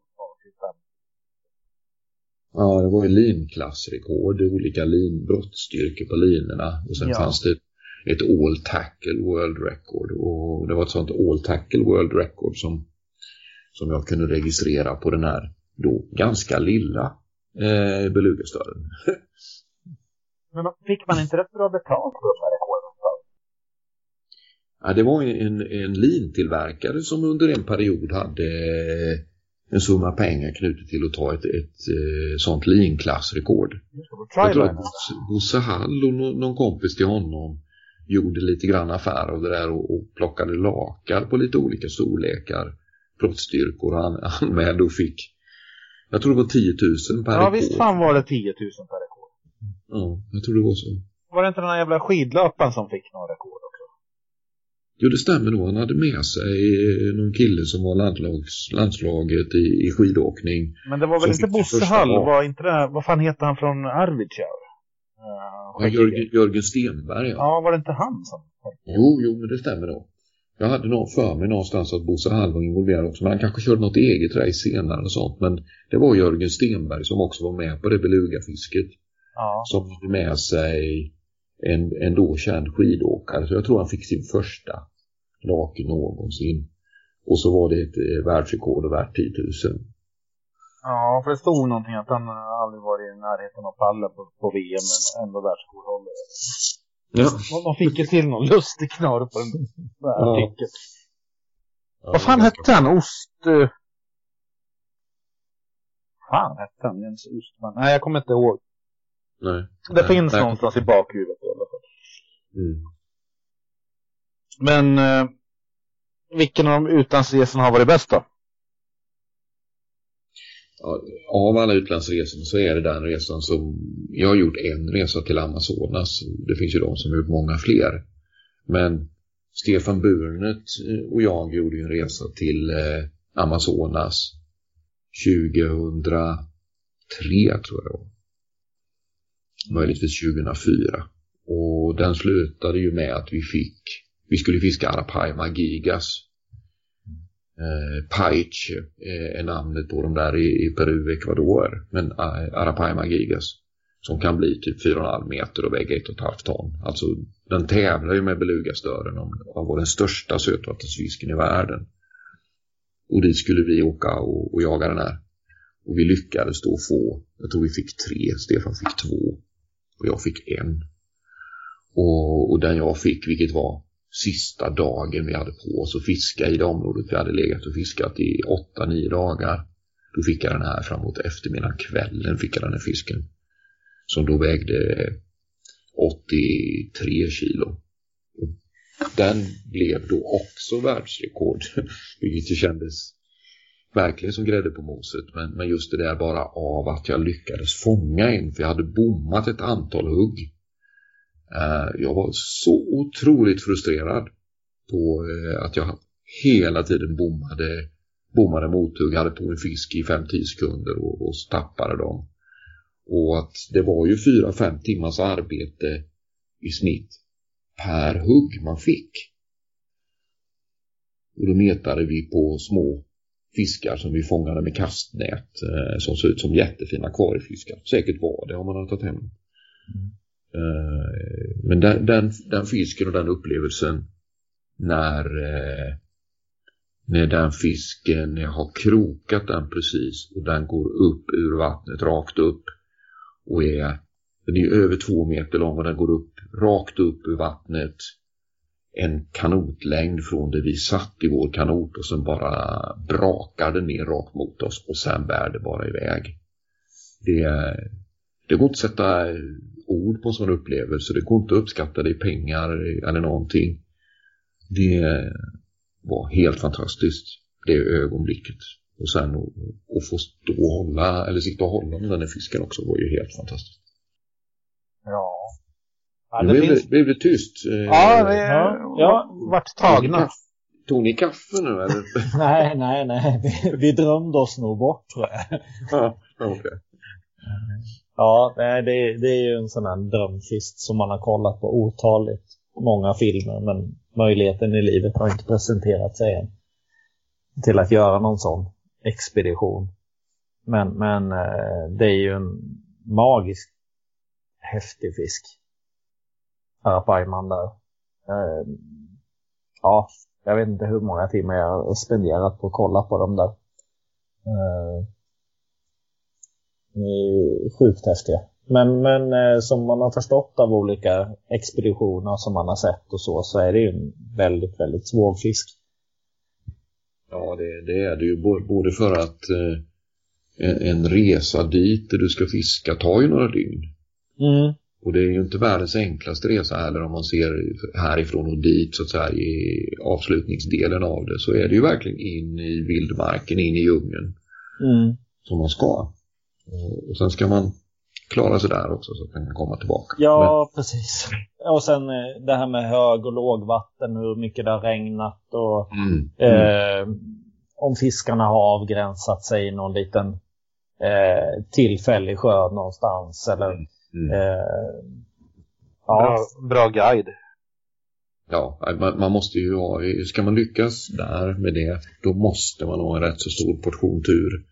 Just mm. kopplat till att det är en, en djungel i en regnskog som de här fiskarna bor i, i floder där. Otroligt känsligt för nederbörd och, och som sagt var fiskarna kan lika gärna vara djupt in i skogen och det var ju det Martin Falkling råkade ut för när han, han samlade ihop, precis som när vi gjorde Beluga-filmen, så samlade han ihop ett gäng fiskare och filmteam och alltihopa var ju där flera gånger och försökte få till och fånga en sån på film då och, och lyckades inte med det. Mm. Uh, och tänker göra den satsningen på det sättet. Eh, så att det, man måste verkligen ha en, en, stor portion tur också för att verkligen kunna komma rätt. För annars så får man åka hem igen utan att ha sett de där fiskarna. Men hur roddar man ihop en sån där resa då?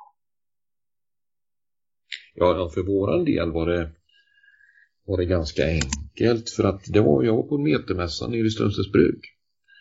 Och då kom det en norsk kille och vi satt oss och snackade och, och då berättade han att han hade börjat att försöka fånga de här inne i, i djungeln i eh, eh Ecuador och hade hittat ett ställe där de hade fått flera stycken och då frågade han mig om jag ville med.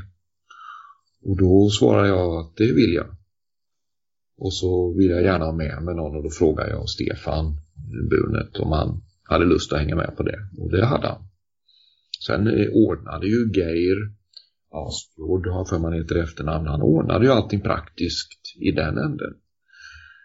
Så att för Stefan och mig var ju bara att, att börja jaga reda på, försöka få grepp på vad tusan ska man ha för grejer för att kunna fånga de här. Vilka rullar och vilka spön och vilka linor och vilka krokar och sådär och samla upp prylar. Och sen köpa en flygbiljett och ta oss dit. Ja, det är, det är ju inte helt billigt heller. Nej, nej det är det ju inte. Uh, absolut inte. Finns det någon resa som du inte har gjort än eller som du planerar eller drömresa?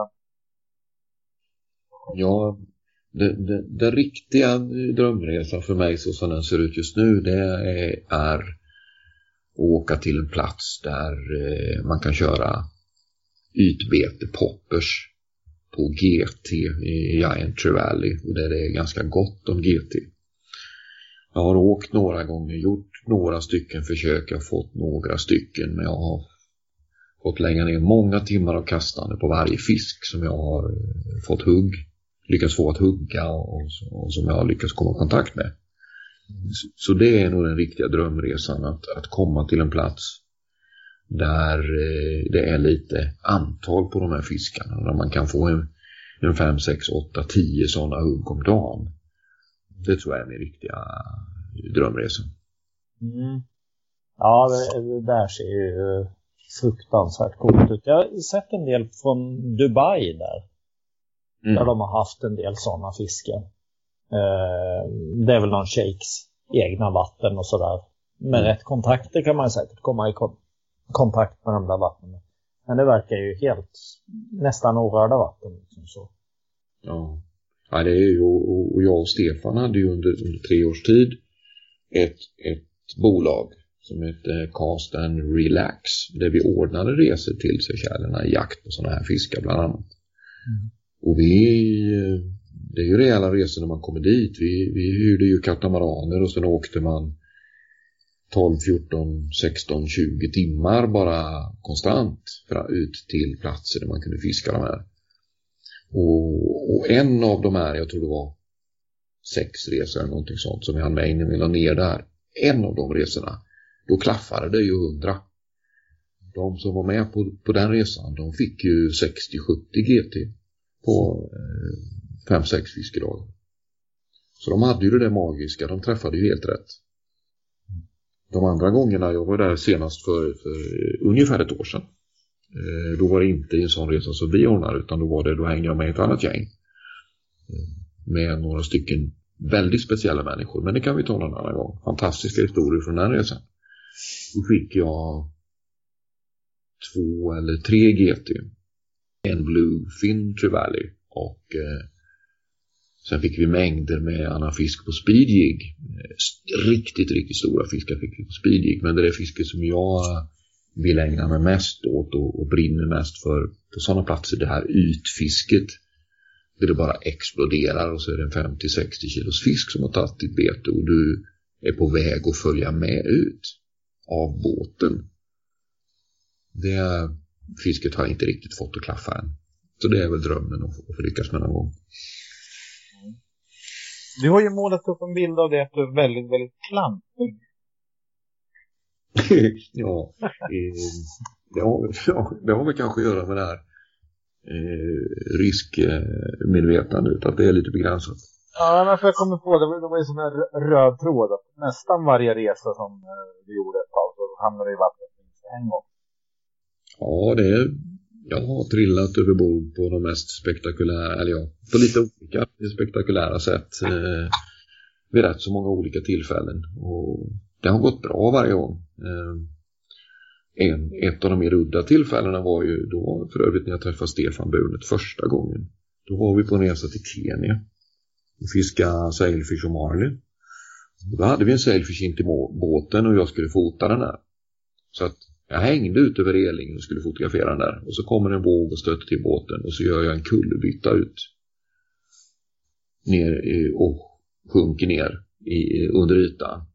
Håller din kamera fortfarande. Och det enda jag kunde tänka på var att nu kommer de där trollingkrokarna, de där 16 nollorna i 8 knops fart. Men vi låg ju stilla så det var ju inte någon större risk för det. Men när jag kommer upp igen då är jag bredvid sailfishen och försöker hålla mig fast i sailfishen och kramar den och glider av den. Och sen försvinner jag under ytan igen bakom båten och sen fick de backa ner och plocka upp mig och då var jag rätt skakig. Och kameran åt helvete? Jo, kameran var åt helvete men jag höll fortfarande i den krampaktigt med vänster hand när jag var uppdragen i båten. Mm. Så jag, jag vägrade släppa den men den var ju givetvis stendöd. Och det var väl någon var det du som gick och pissade? Det var någon krokodil eller vad fan det var? Nej, det var, det var Stefan faktiskt som uh, var på väg att pissa på en, en alligator när vi var i, i Texas. Uh, när han följde med dit i jakt på de här alligatorgar en, en gång. Då var han på väg och, och ja, han fick bråttom därifrån i alla fall när han lös med ficklampan och rasslade till precis där han stod och pissade. Det var en alligator på 3-4 meter.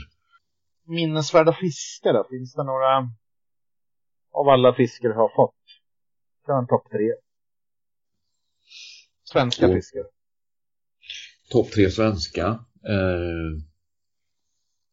Det behöver inte vara de största utan det är kanske någon... Nej, nej, nej. Eh, jag förstår ju det. Eh... Jag fick eh... min första 10 kilos gädda på många år. Det fick jag i juni förra året. Eh, och då hade jag försökt många gånger efter att jag fick den förra över 10 kilo. Många, många år sedan var det. Den, den var ganska minnesvärd när eh, den kom upp så jag såg den första gången och jag och kompisen. Henrik eh, 100% Berntsson för övrigt, karpfiskaren. Som har blivit helt gäddfrälst nu. Han har kört mycket gädda. Den var ganska fräck att ta måste jag säga. Och sen har jag ju fångat karp på eh, över 13 kilo på smygfisk, alltså där man smyger längs med stranden och hittar karpar inne på 30 centimeters vatten. Och så matar med lite majs och så småningom eh, får de där eh, en, en sån fisk att äta. Och så med ett litet vanligt eh, pennflöte. Ett eller två majskorn och så tre meter framför fötterna när man ser den där fisken komma närmare och äter majs och så småningom förhoppningsvis, för jag har ju varit där många gånger och sett dem äta och de äter rent och sen drar de igen. Men, men eh, också eh, plockat upp kroken och så reser man spöet och så är det 35 meters rusning rakt ut direkt. Det är ju otroligt fräckt. Eh, jag ska välja någon mer svensk fisk. Eh. Jag fick en färna för många år sedan som vägde lite drygt 2,8. Det, det var också en väldigt minnesvärd fisk för då hade jag fiskat mycket i Svartån utan att lyckas få någon färna över två kilo. Eh, men eh, när jag fick den på 2,8 då, då var jag väldigt, väldigt nöjd. Och den höll på en flötmetad bit franskbröd som var kastade över nästan till andra sidan av ån och så, och så liksom släppte, släppte långsamt nedströms. Och så dök flötet. Jag, nog, jag tror att jag egentligen då försökte få en sarv men så fick jag den där, den där färnan. Det var också en fisk som sände vågor av glädje genom kroppen. Och vilka fiskar vill du, vill du fånga då innan, innan det är dags att tacka av? Ja, mm. Jag har pratat om det drömfisket med en stor, var med i ett fiske där man får många hugg av stora Giant Valley. Det är ju en dröm. Men den absolut, den drömfisken som är allra högst på listan just nu, det vore att fånga en gädda som väger mer än 15 kilo och göra det på spinngrejer. Så Ja. Lödde och det här går lite bort där. Vad, vad sa du? Att? Och, den typen av fiske går lite, lite bort då. Alltså mete. Ja, jag har blivit mer och mer så att jag vill, eh, jag vill hålla i spöet och, och på något sätt påverka ett bete.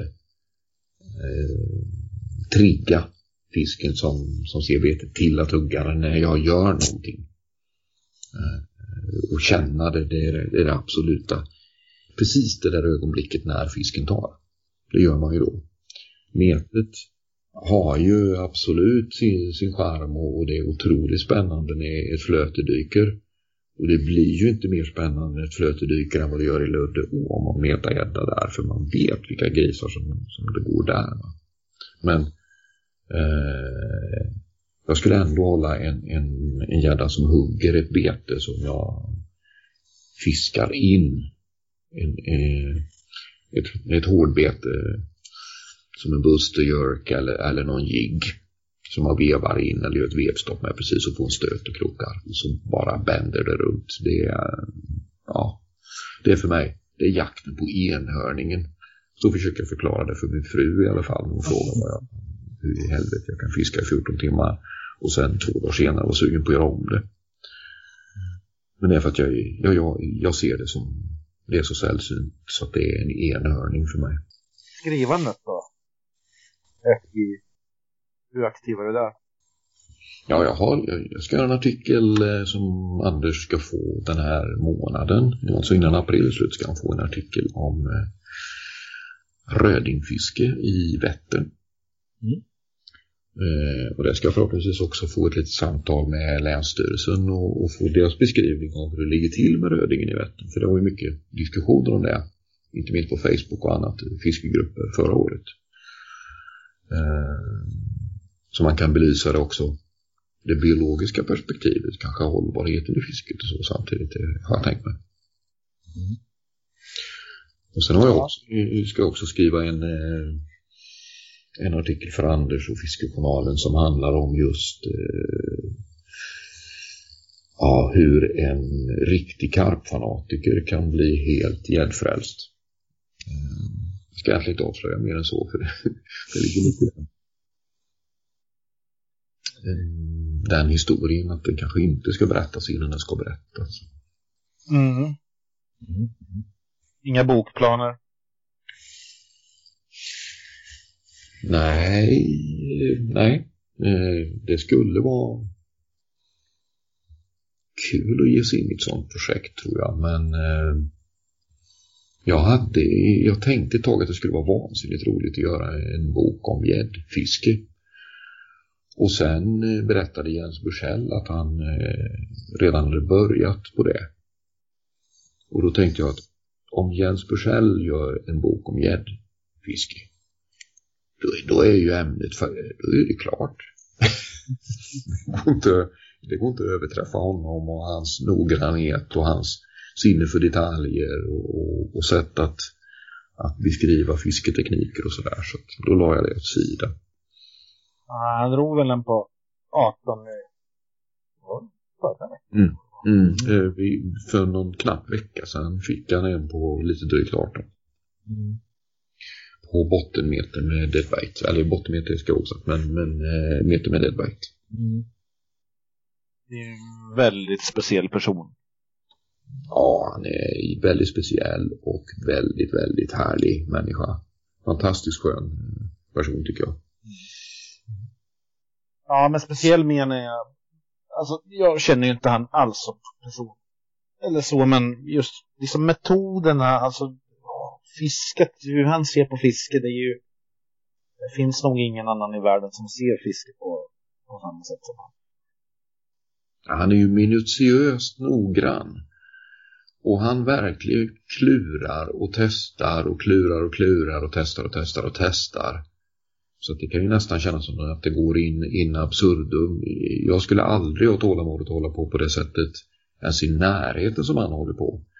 Men han lyckas ju också hitta och utveckla metoder som, som gör att han får fler fiskar, han får, han utvecklar metoder som andra sen kan dra nytta av och, och i sin tur få ett bättre fiske. Så det är ju fantastiskt.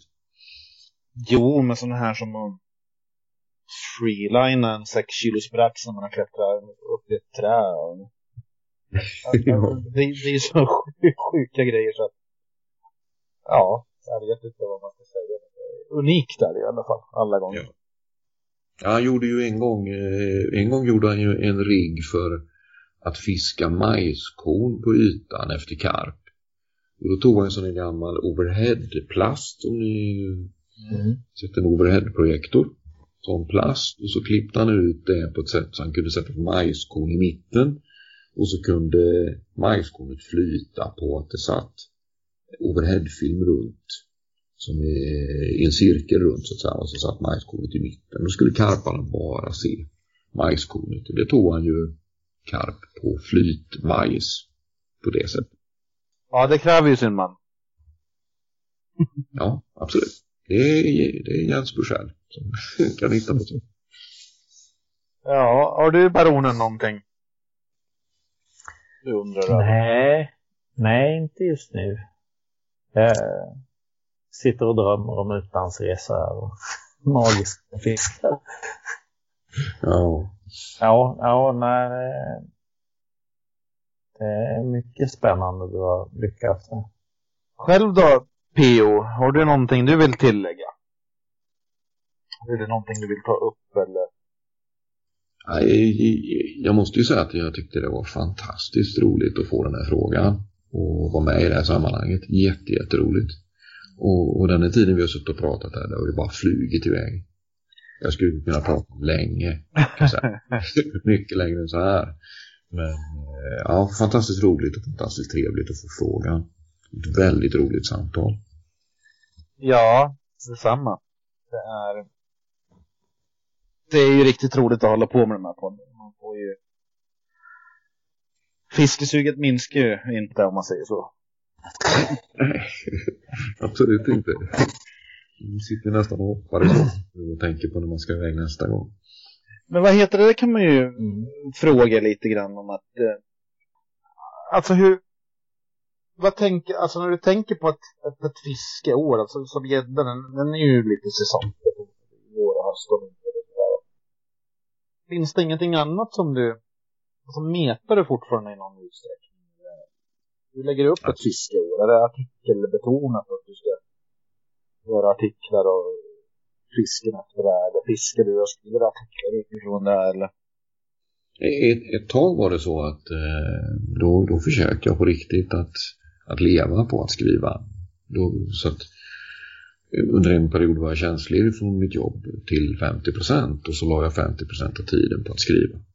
Och då gjorde jag verkligen så att jag la upp en plan för vilka fisken jag skulle ge mig på, vilka personer jag skulle fiska med och så vidare för att kunna skapa artiklar.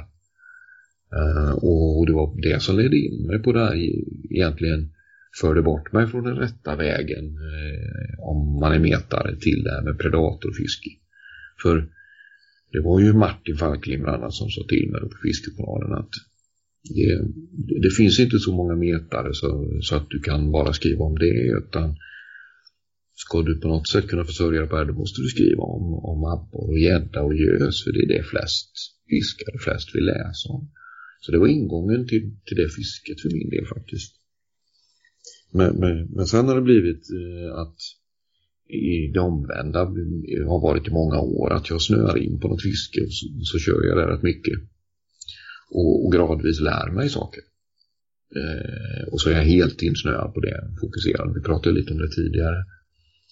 Och så, så småningom har det varit så faktiskt. Då, så har jag lyckats. Men jag har fått slita för det som attan.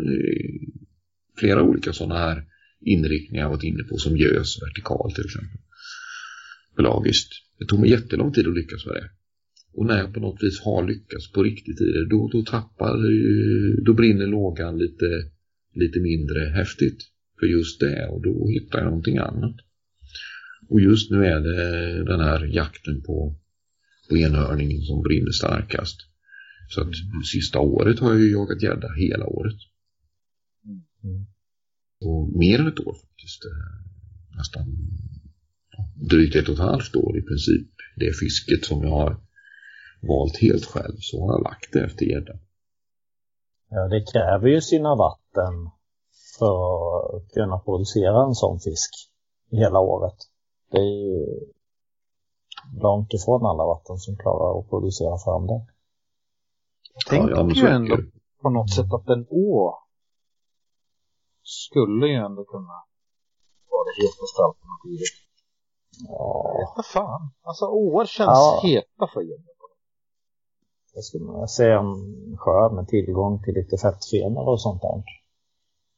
Ja, forellsjö är ju väldigt bra. Ja, men eller ett naturligt bestånd med, med, Mm. med fettfenor eller fiskodlingar eller något sånt där. Det, det känns väl som ett ganska säkert kort för att det ska finnas stora krokodiler i närheten. Just Det är väl det som är lite tjusningen kanske med med gädda. Att- den finns ju i allt från små dammar till hav till åar och sjöar. Och 15 kilos kan man ju faktiskt få i alla de. Mm. Ja, jag, jag fiskar mycket gädda på sommaren uppe i, i Norrland då. Framförallt i Umeälven. Ja. Eh, Vi har släkt som bor där uppe. Alltså Mm. de älvgäddorna, de är ju duktigt häftiga alltså. mm. Vilken fart det är i dem. Jag vet, jag fick min första tia där. Ja. Den vägde strax över 10. Jag fick den på Jörk också. och Det var ju min första stora Jörkgädda så. Ja. Eh, den gjorde ju ett hopp. Alltså hela fisken var i luften. När, när hoppar en 10-plussare liksom? Ja. ja, det är häftigt. Det var eh, helt magiskt. Så att jag tycker eh, det där med en spinnfiska och en stor gädda, det är något väldigt speciellt att få. Något riktigt stort där. Det är ju riktigt häftigt alltså. Mm. Och det är något jag inte riktigt kan släppa. Jag är en sån här... Jag älskar ju meter. Det är ju min, min största passion så. Men Mm. Mm. jag trollar gärna lite och eh, spinnfiskar lite och liksom för att växla av för att jag vill inte jag vill inte ledsna på de här fantastiska fiskarna som jag tycker. Eh, utan jag behöver nog mycket olika sorter för att liksom hålla lågan vid liv vid allting så. Mm. Mm. Nej, sen är det väl lite grann på så vis också som om man ska kolla med det här med skrivande och sånt där som jag tänkte som, som Martin Falklin sa att det finns bara si och så många som, som läser dem. Ja, jo, det stämmer väl kanske. Jag tror ändå att det finns ju en handfull människor i Sverige som har liksom bevisat att de, de skriver ju fantastiskt bra. Jörgen Larssons artiklar har ju varit otroligt bra tycker jag. Peter Grans artiklar har varit bra. Och sen givetvis dina artiklar har ju varit riktigt bläddrar jag i en fisketidning och sen ser att du har skrivit en artikel så läser jag den bara för att det är du som har skrivit artikeln. Så handlar det ju mindre faktiskt om vad du fiskar efter. Utan det finns ju en artistisk eh, nivå i det hela också. Eh, man ska nog inte snöa in sig på liksom att är det mete eller är det gäddfisk eller är det en duktig skribent så är det en trevlig text att läsa alla gånger. Men återigen, det där har nog kanske gått förlorat i den nya generationen. Jag tror att de kanske mer ser just att gädda, ja då läser jag det. Stjärna, ja då hoppar jag över. Ja, jag, li- lite tror jag att, att eh, det här om vi pratar fiskehistorier och, och berättelser kopplat till fiske som ju när Fiskejournalen kom och så vidare för länge, länge sedan då, 74 och framåt. Då var, det ju, då var det ju på det stället du kunde läsa om fiskeupplevelser och nya tekniker och, och lära dig. Nu är det ju så många olika medier du, du kan ta del av berättelser. Och inte minst då eh, poddar är ju på något sätt det stora växande eh, mediet mediat för att berätta saker. Och, och också då få folk att uppleva och lära sig saker. Så det är dit, jag tror det är dit man söker sig mer och mer. Fast det, ligger ju ändå rätt nära det tryckta ordet tycker jag. Så Det är på något vis lite tidlöst, lite nörderi. Ja. Mm. Den här. Mm. Det är ju ingen eh, quick fix. Jag menar stackars de som ska lyssna på det här samtalet. Alltså, Ja, precis. kan man inte markera upp liksom, där, där är, var 30 sekunder som var lite intressant och där 48 minuter in lyssna på det och, och sen spola över skiten. eh, nej, nej, men det stämmer ju så eh, och det, det, det talar, eh, alltså ett samtal på det viset som är, som är podd, det blir ju mer levande än en text. En text är ju en text. Den förändras ju inte av de intryck som, som du har som läsare. Men är det ett samtal med några personer så kan det ju ta vägen lite vart som helst. Det blir en annan dynamik. Ja, de bästa bilderna får man ju inte från film utan det är ju sitt eget sin egen fantasi som alltså när man läser en bok eller någonting. Det är därför filmen alltid är sämre. Men vad fan, så där ska du inte se ut. Tänker man om man har läst boken. Mm. Utan det finns ju en annan dimension där som kanske inte... Jag vet inte. Kanske är jag pessimist, men det känns som att yngre människor, alltså, de har liksom inte tid att snöa in sig på saker. Eh, liksom allt ska gå fort och man uppskattar inte papperstidningar om de inte är rykande färska. Och...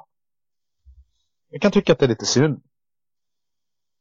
Ja, på, på ett sätt kan det ju vara det, eh, eller kan man ju känna så, men jag, jag tänker att många, många unga människor som sagt de tar del av berättelser bland annat genom, eh, genom poddar exempelvis. För där är ju, det finns ju massor med poddar som är extremt eh, nördiga.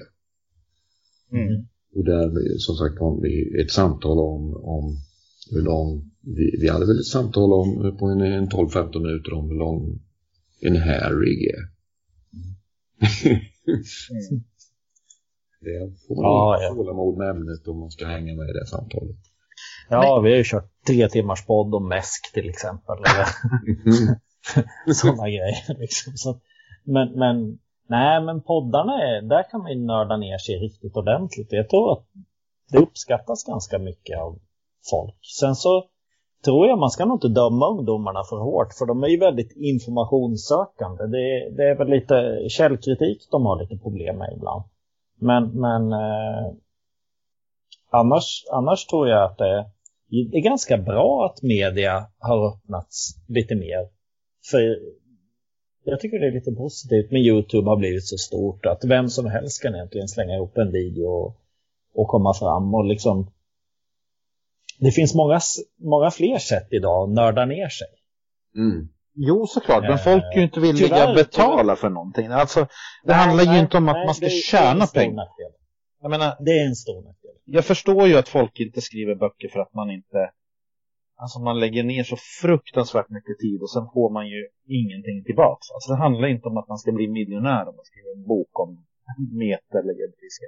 Men det kan ju åtminstone vara roligt att det går runt sådär. Att man kan se det som ett jobb. Men folk idag, de, de betalar inte för någonting. Alltså ser man att ja, men här, här är en fantastisk portal med massor med poddar och grejer. Här kostar 20 spänn i månaden. Nej, jag tänker inte. Kan man, kan man streama det på ett annat sätt? Alltså, Mm. den biten synkar inte jag riktigt. Nej, allting på nätet ska ju vara gratis för det kan du inte hålla i. Ja, men jag som håller på mycket med musik och sådär. Så man ser att hela musikscenen har ju liksom kraschat mer eller mindre. Nu- Nu är jag hårdrockare och vi mår ju ändå rätt så bra. Hårdrockare köper skivor, går på konserter och sånt där. Kan tänka Mm. mig punkare gör väl detsamma med. Men, Mm. men det är nog inte jätteroligt att vara ja, dans, jag vet inte. Någonting modernt, alltså den streamingkulturen är hög liksom. Så att det, det slår ju tillbaks mot kulturen och folk som liksom hela tiden måste jobba i motvind för att kunna överleva. För Jag tror att det finns en jävla massa människor som vill hålla på med som vill hålla på med fiske, skriva, producera. Men om det i slutändan inte ger någonting mer än två tummar upp på Facebook så tappar man ju lusten till slut. Mm. Mm. Men jag har ju alltid sagt att fiskejournalen behövs ju för att jag, ser, jag har ju växt upp med fiskejournalen så jag ser ju fiskejournalen ungefär som SVT, alltså den eh, allsmäktiga, ja hur fan ska man säga, alltså det officiella mediet på något vis. De står ju relativt ensamma på den posten att liksom, kunna korrekt komma ut med information och sånt där. Så, Mm. Mm. men eh, just det här med poddar och sånt där. Det kanske de skulle behöva hoppa på lite, att man får jag tror att om man bara väntar på att papperstidningarna, det, det kommer nog vända någon gång. Jag tror inte att det kommer hända, utan man, man får nog börja tänka till att hur ska man kunna liksom förbättra, komma in mer i 2000-talet. Och poddar är ju en fruktansvärt Mm, mm. rolig. Ja, det behöver nog vara lite mer av, eh, lite mer än eh, inom citationstecken bara en papperstidning. Det behöver nog finnas annat sätt att berätta knutet till det och då kan ju poddar vara ett sätt. Absolut. Och under en, en period på, där på Fiskejournalen så jobbade vi ju ganska aktivt med att göra lite korta filmer om olika ämnen och de var ju ganska populära. Eh, och det var ju också en fan, fantastiskt rolig grej att hålla på med. Jag tyckte det var fantastiskt kul. Jag älskar verkligen att hålla på med, med sånt också. Eh, alltså den berättelse man förmedlar på det sättet. Det är ju ett annorlunda sätt än, än att skriva. Eh, kräver på något sätt någonting annat om det ska bli ett sammanhang som fungerar och blir spännande. Men det är jätteroligt att hålla på med. Så det var väldigt kul när vi gjorde sådana grejer också. Jag kollade faktiskt in de här filmerna innan vi startade här. 2010 var de. Jag tror, fan, jag hade för mig att de var tidigare, men det är klart, tio år sedan, det är ju... Det är ju en tid. Mm. Det, det har ju hänt väldigt mycket på den fronten så att, så att eh, Ja, jag satt och undrade är- mest att vem som har skrivit musiken till de här filmerna. Eh, det vet jag faktiskt inte. Jag tror att det var musikpålägg som gjordes av eh, Mattias Larsson eh, på Fiskekanalen då som det finns viss, viss musik som ligger tillgänglig som man inte behöver betala för. de de eh, lä- används i sådana här, eller då i alla fall används i sådana här sammanhang. Alltså upphovsrättsligt möjligt att använda utan att man ska behöva betala för det. Alltså, apropå att någon av er sa det, att ingen vill betala för någonting. Nej, men sånt finns ju fortfarande. Det, det går ju att hitta. Mm. Så jag tror det var där bara hitta sånt helt enkelt och så lägga på något som, men det här blir nog schysst till detta. Mm. Det här musikstycket passar till en beskrivning av hur man sätter ett gummimajskorn på kroken. det, tänkte sig nog aldrig han som skrev den musiken. Han hade nog inte bilden av, av majskornet i gummi framför sig. Nej, jag tror att han nog inte hade det där som förstahandsval.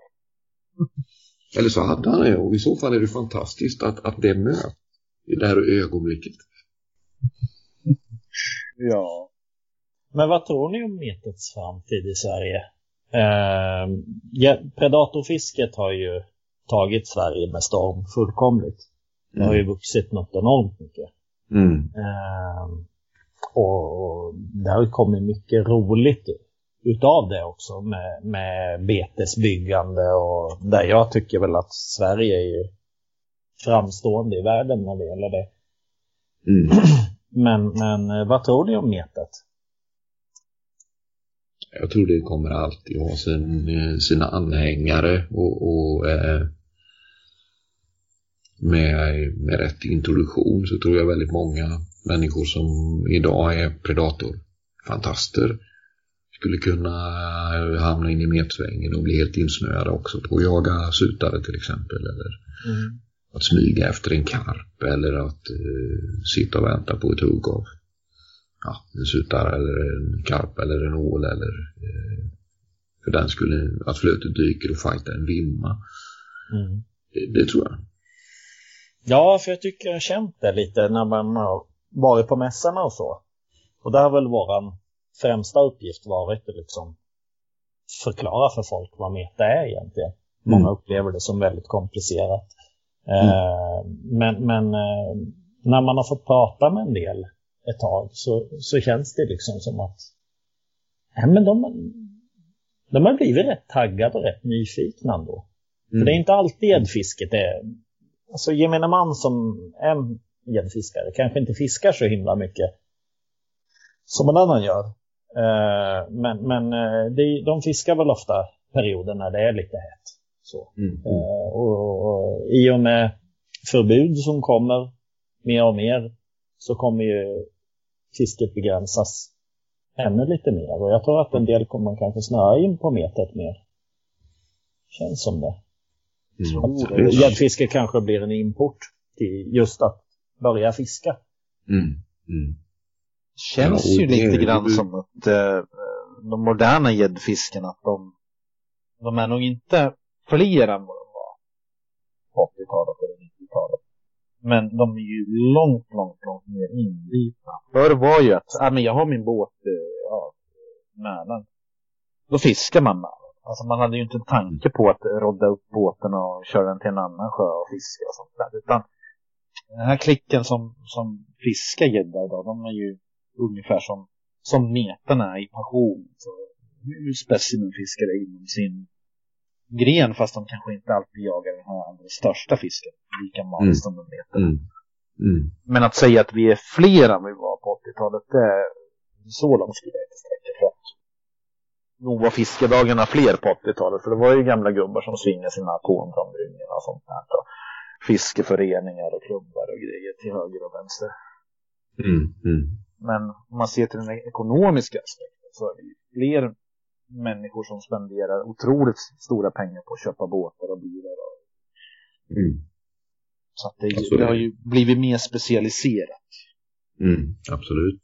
Och- Sen har vi ju blivit fler också. Men, men, men och, och belysningen, alltså media är ju mer öppet idag. Det, det, det blir ju på ett helt annat sätt än vad det var förr i tiden. Mm.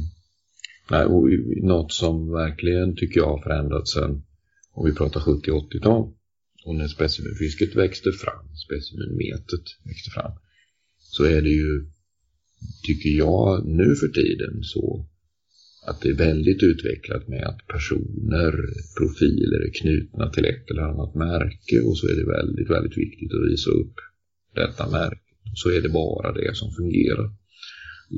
Det där kan jag bli lite trött på ibland.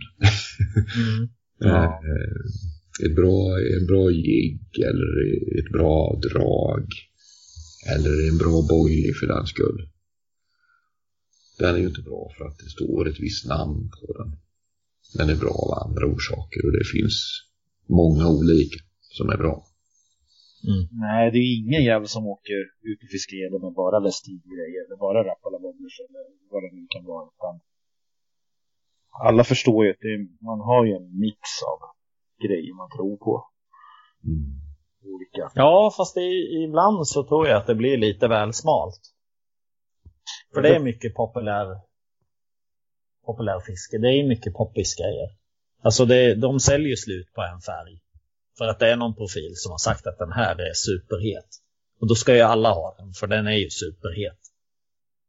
Så. Jo, såklart det finns ju sådana såna aspekter med Men det är väl lite de här genvägarna vi pratar om.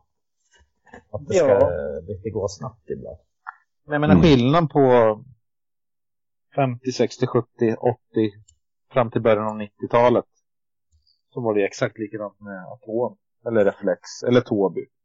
Eh, ska fiska gädda, vad rekommenderar du? Ja men här har vi atomdragen, sa de. Och sen kom det ju Rappalabob. Så att det har ju varit likadant förr. Men det har ju kanske inte varit, eftersom du inte ser en hashtag på det. Så tänker du inte på det här lika mycket. Men nog fan har det sålts mer atomdrag än nå- några andra skedrag i Sverige till exempel. Så att Ja, det där har ju funnits men inte på samma, alltså man har inte sett det här lika tydligt eftersom ingen har varit knuten till just atomdrag. Nej, och på 70-talet kunde man inte eh, två eh, sekunder efter att du satt på ditt eh, atomdrag så var det inte spritt över hela världen en bild på ditt nyligen påsatta atomdrag. Nej. Det, det var lite långsammare kommunikationskanaler kring det då kan man ju säga. Eh, Men, men jag vet ju min, min pappa han, han sa det fanns det fanns en wobbler, det fanns ett bete som var värt att använda för gädda. Och det var som han sa, det var Hilo. Eh, Den modellen som är typ, om den är 12 centimeter eller vad det är. Och så var den lite grön och lite svart. Han hade en sån. Den hade han hittat guppande in i en vasskant många år tidigare. Det var det betet som fungerade för gädda. Punkt. Och det trodde jag ju också i några år att det var det man skulle ha. Och, och tyckte ju också att den Hilo-wobblen, den var ju stor. Det var ett stort bet. Ja. Eh, idag fiskar ju de riktiga predatorprofilerna, de fiskar ju abborrar med beten som är större än, än den wobblen som jag upplevde som ett stort gäddbete när jag var liten. Eh, vad har du för förebilder inom fisket? Alltså, har du någon sån här som du, som du håller högt? Jag har ju varierat genom, genom livet och vad jag fokuserar på mest just då. Eh, det var ju, alltså när jag, när jag började snöa in på karpfisket så var ju Rod Hutchinson var ju stört skön tyckte jag. Eh, både sin inställning till fisket och, och också sitt sätt att berätta historier kring fisket. Det, det var verkligen en profil tycker jag. Fantastiskt roliga artiklar och böcker han skrev.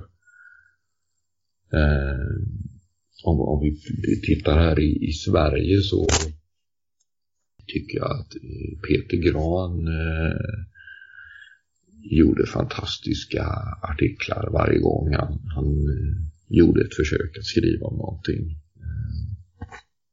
Han hade en skön han var, eh, han var analytisk och noggrann och, men det blev ändå inte för vetenskapligt utan det blev eh, intressanta och spännande berättelser, beskrivningar och så vidare. Så att Peters grejer var av, på svenska som jag tyckte var det roligaste att läsa egentligen.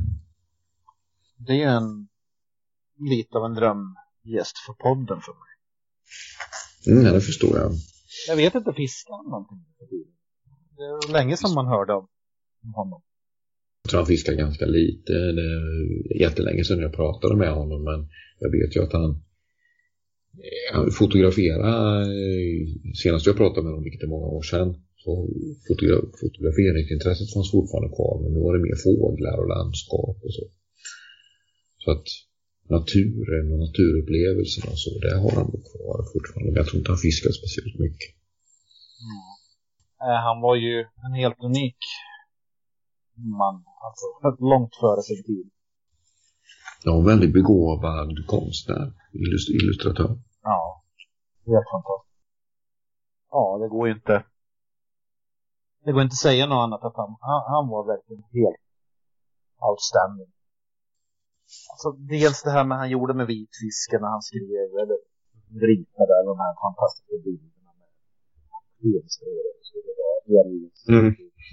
Men sen även det här forskningsarbetet han la som han avslöjar den här norska fake eh, gäddan Mm. som var rekord och eh, Mm. vågade slå hål i luftballongen där med svenska Georg Lööfs gädda. och- Mm. Så han var väldigt före sin tid. i Att vara noggrann, vara Det var ju grävande journalistik på, på ett väldigt konsekvent sätt. Jo, för först- när man läser artiklarna så förstår man ju att han, det här vill han få ut. Han vill ju säga till allihopa att kolla på den här bilden, den kan aldrig väga 22, vad det nu var. Mm. Mm. Men han skrev den på ett sånt sätt att ja, det kan ha blivit ett missförstånd när man har, ja, förstår du, man kan inte trampa på några andra tår. Men han gjorde ju allting så otroligt bra. Och var Mm. absolut först med, med det där ifrågasättandet. Så att, Mm. nej, det är ju coolt. Mm. Ja, det är ju killar. Eh, jag undrar om inte vi får bara runda av det. Det är faktiskt så att om mindre än fem timmar ska jag kliva upp och, och jag fortsätta jaga den här enhörningen. Det låter som en del. Ja. Du, tack så jättemycket att du har varit med oss. Ja. Så st- Stort tack för att jag fick vara med och, och jättespännande och jättekul. Ja, detsamma. Då önskar jag er båda ett riktigt jävla skitfiske nästa gång ni får chansen att komma till vattnet. Ja, tack och vi detsamma. önskar detsamma. Ja. Såklart. Tack ska ni ha. Tack. Okej.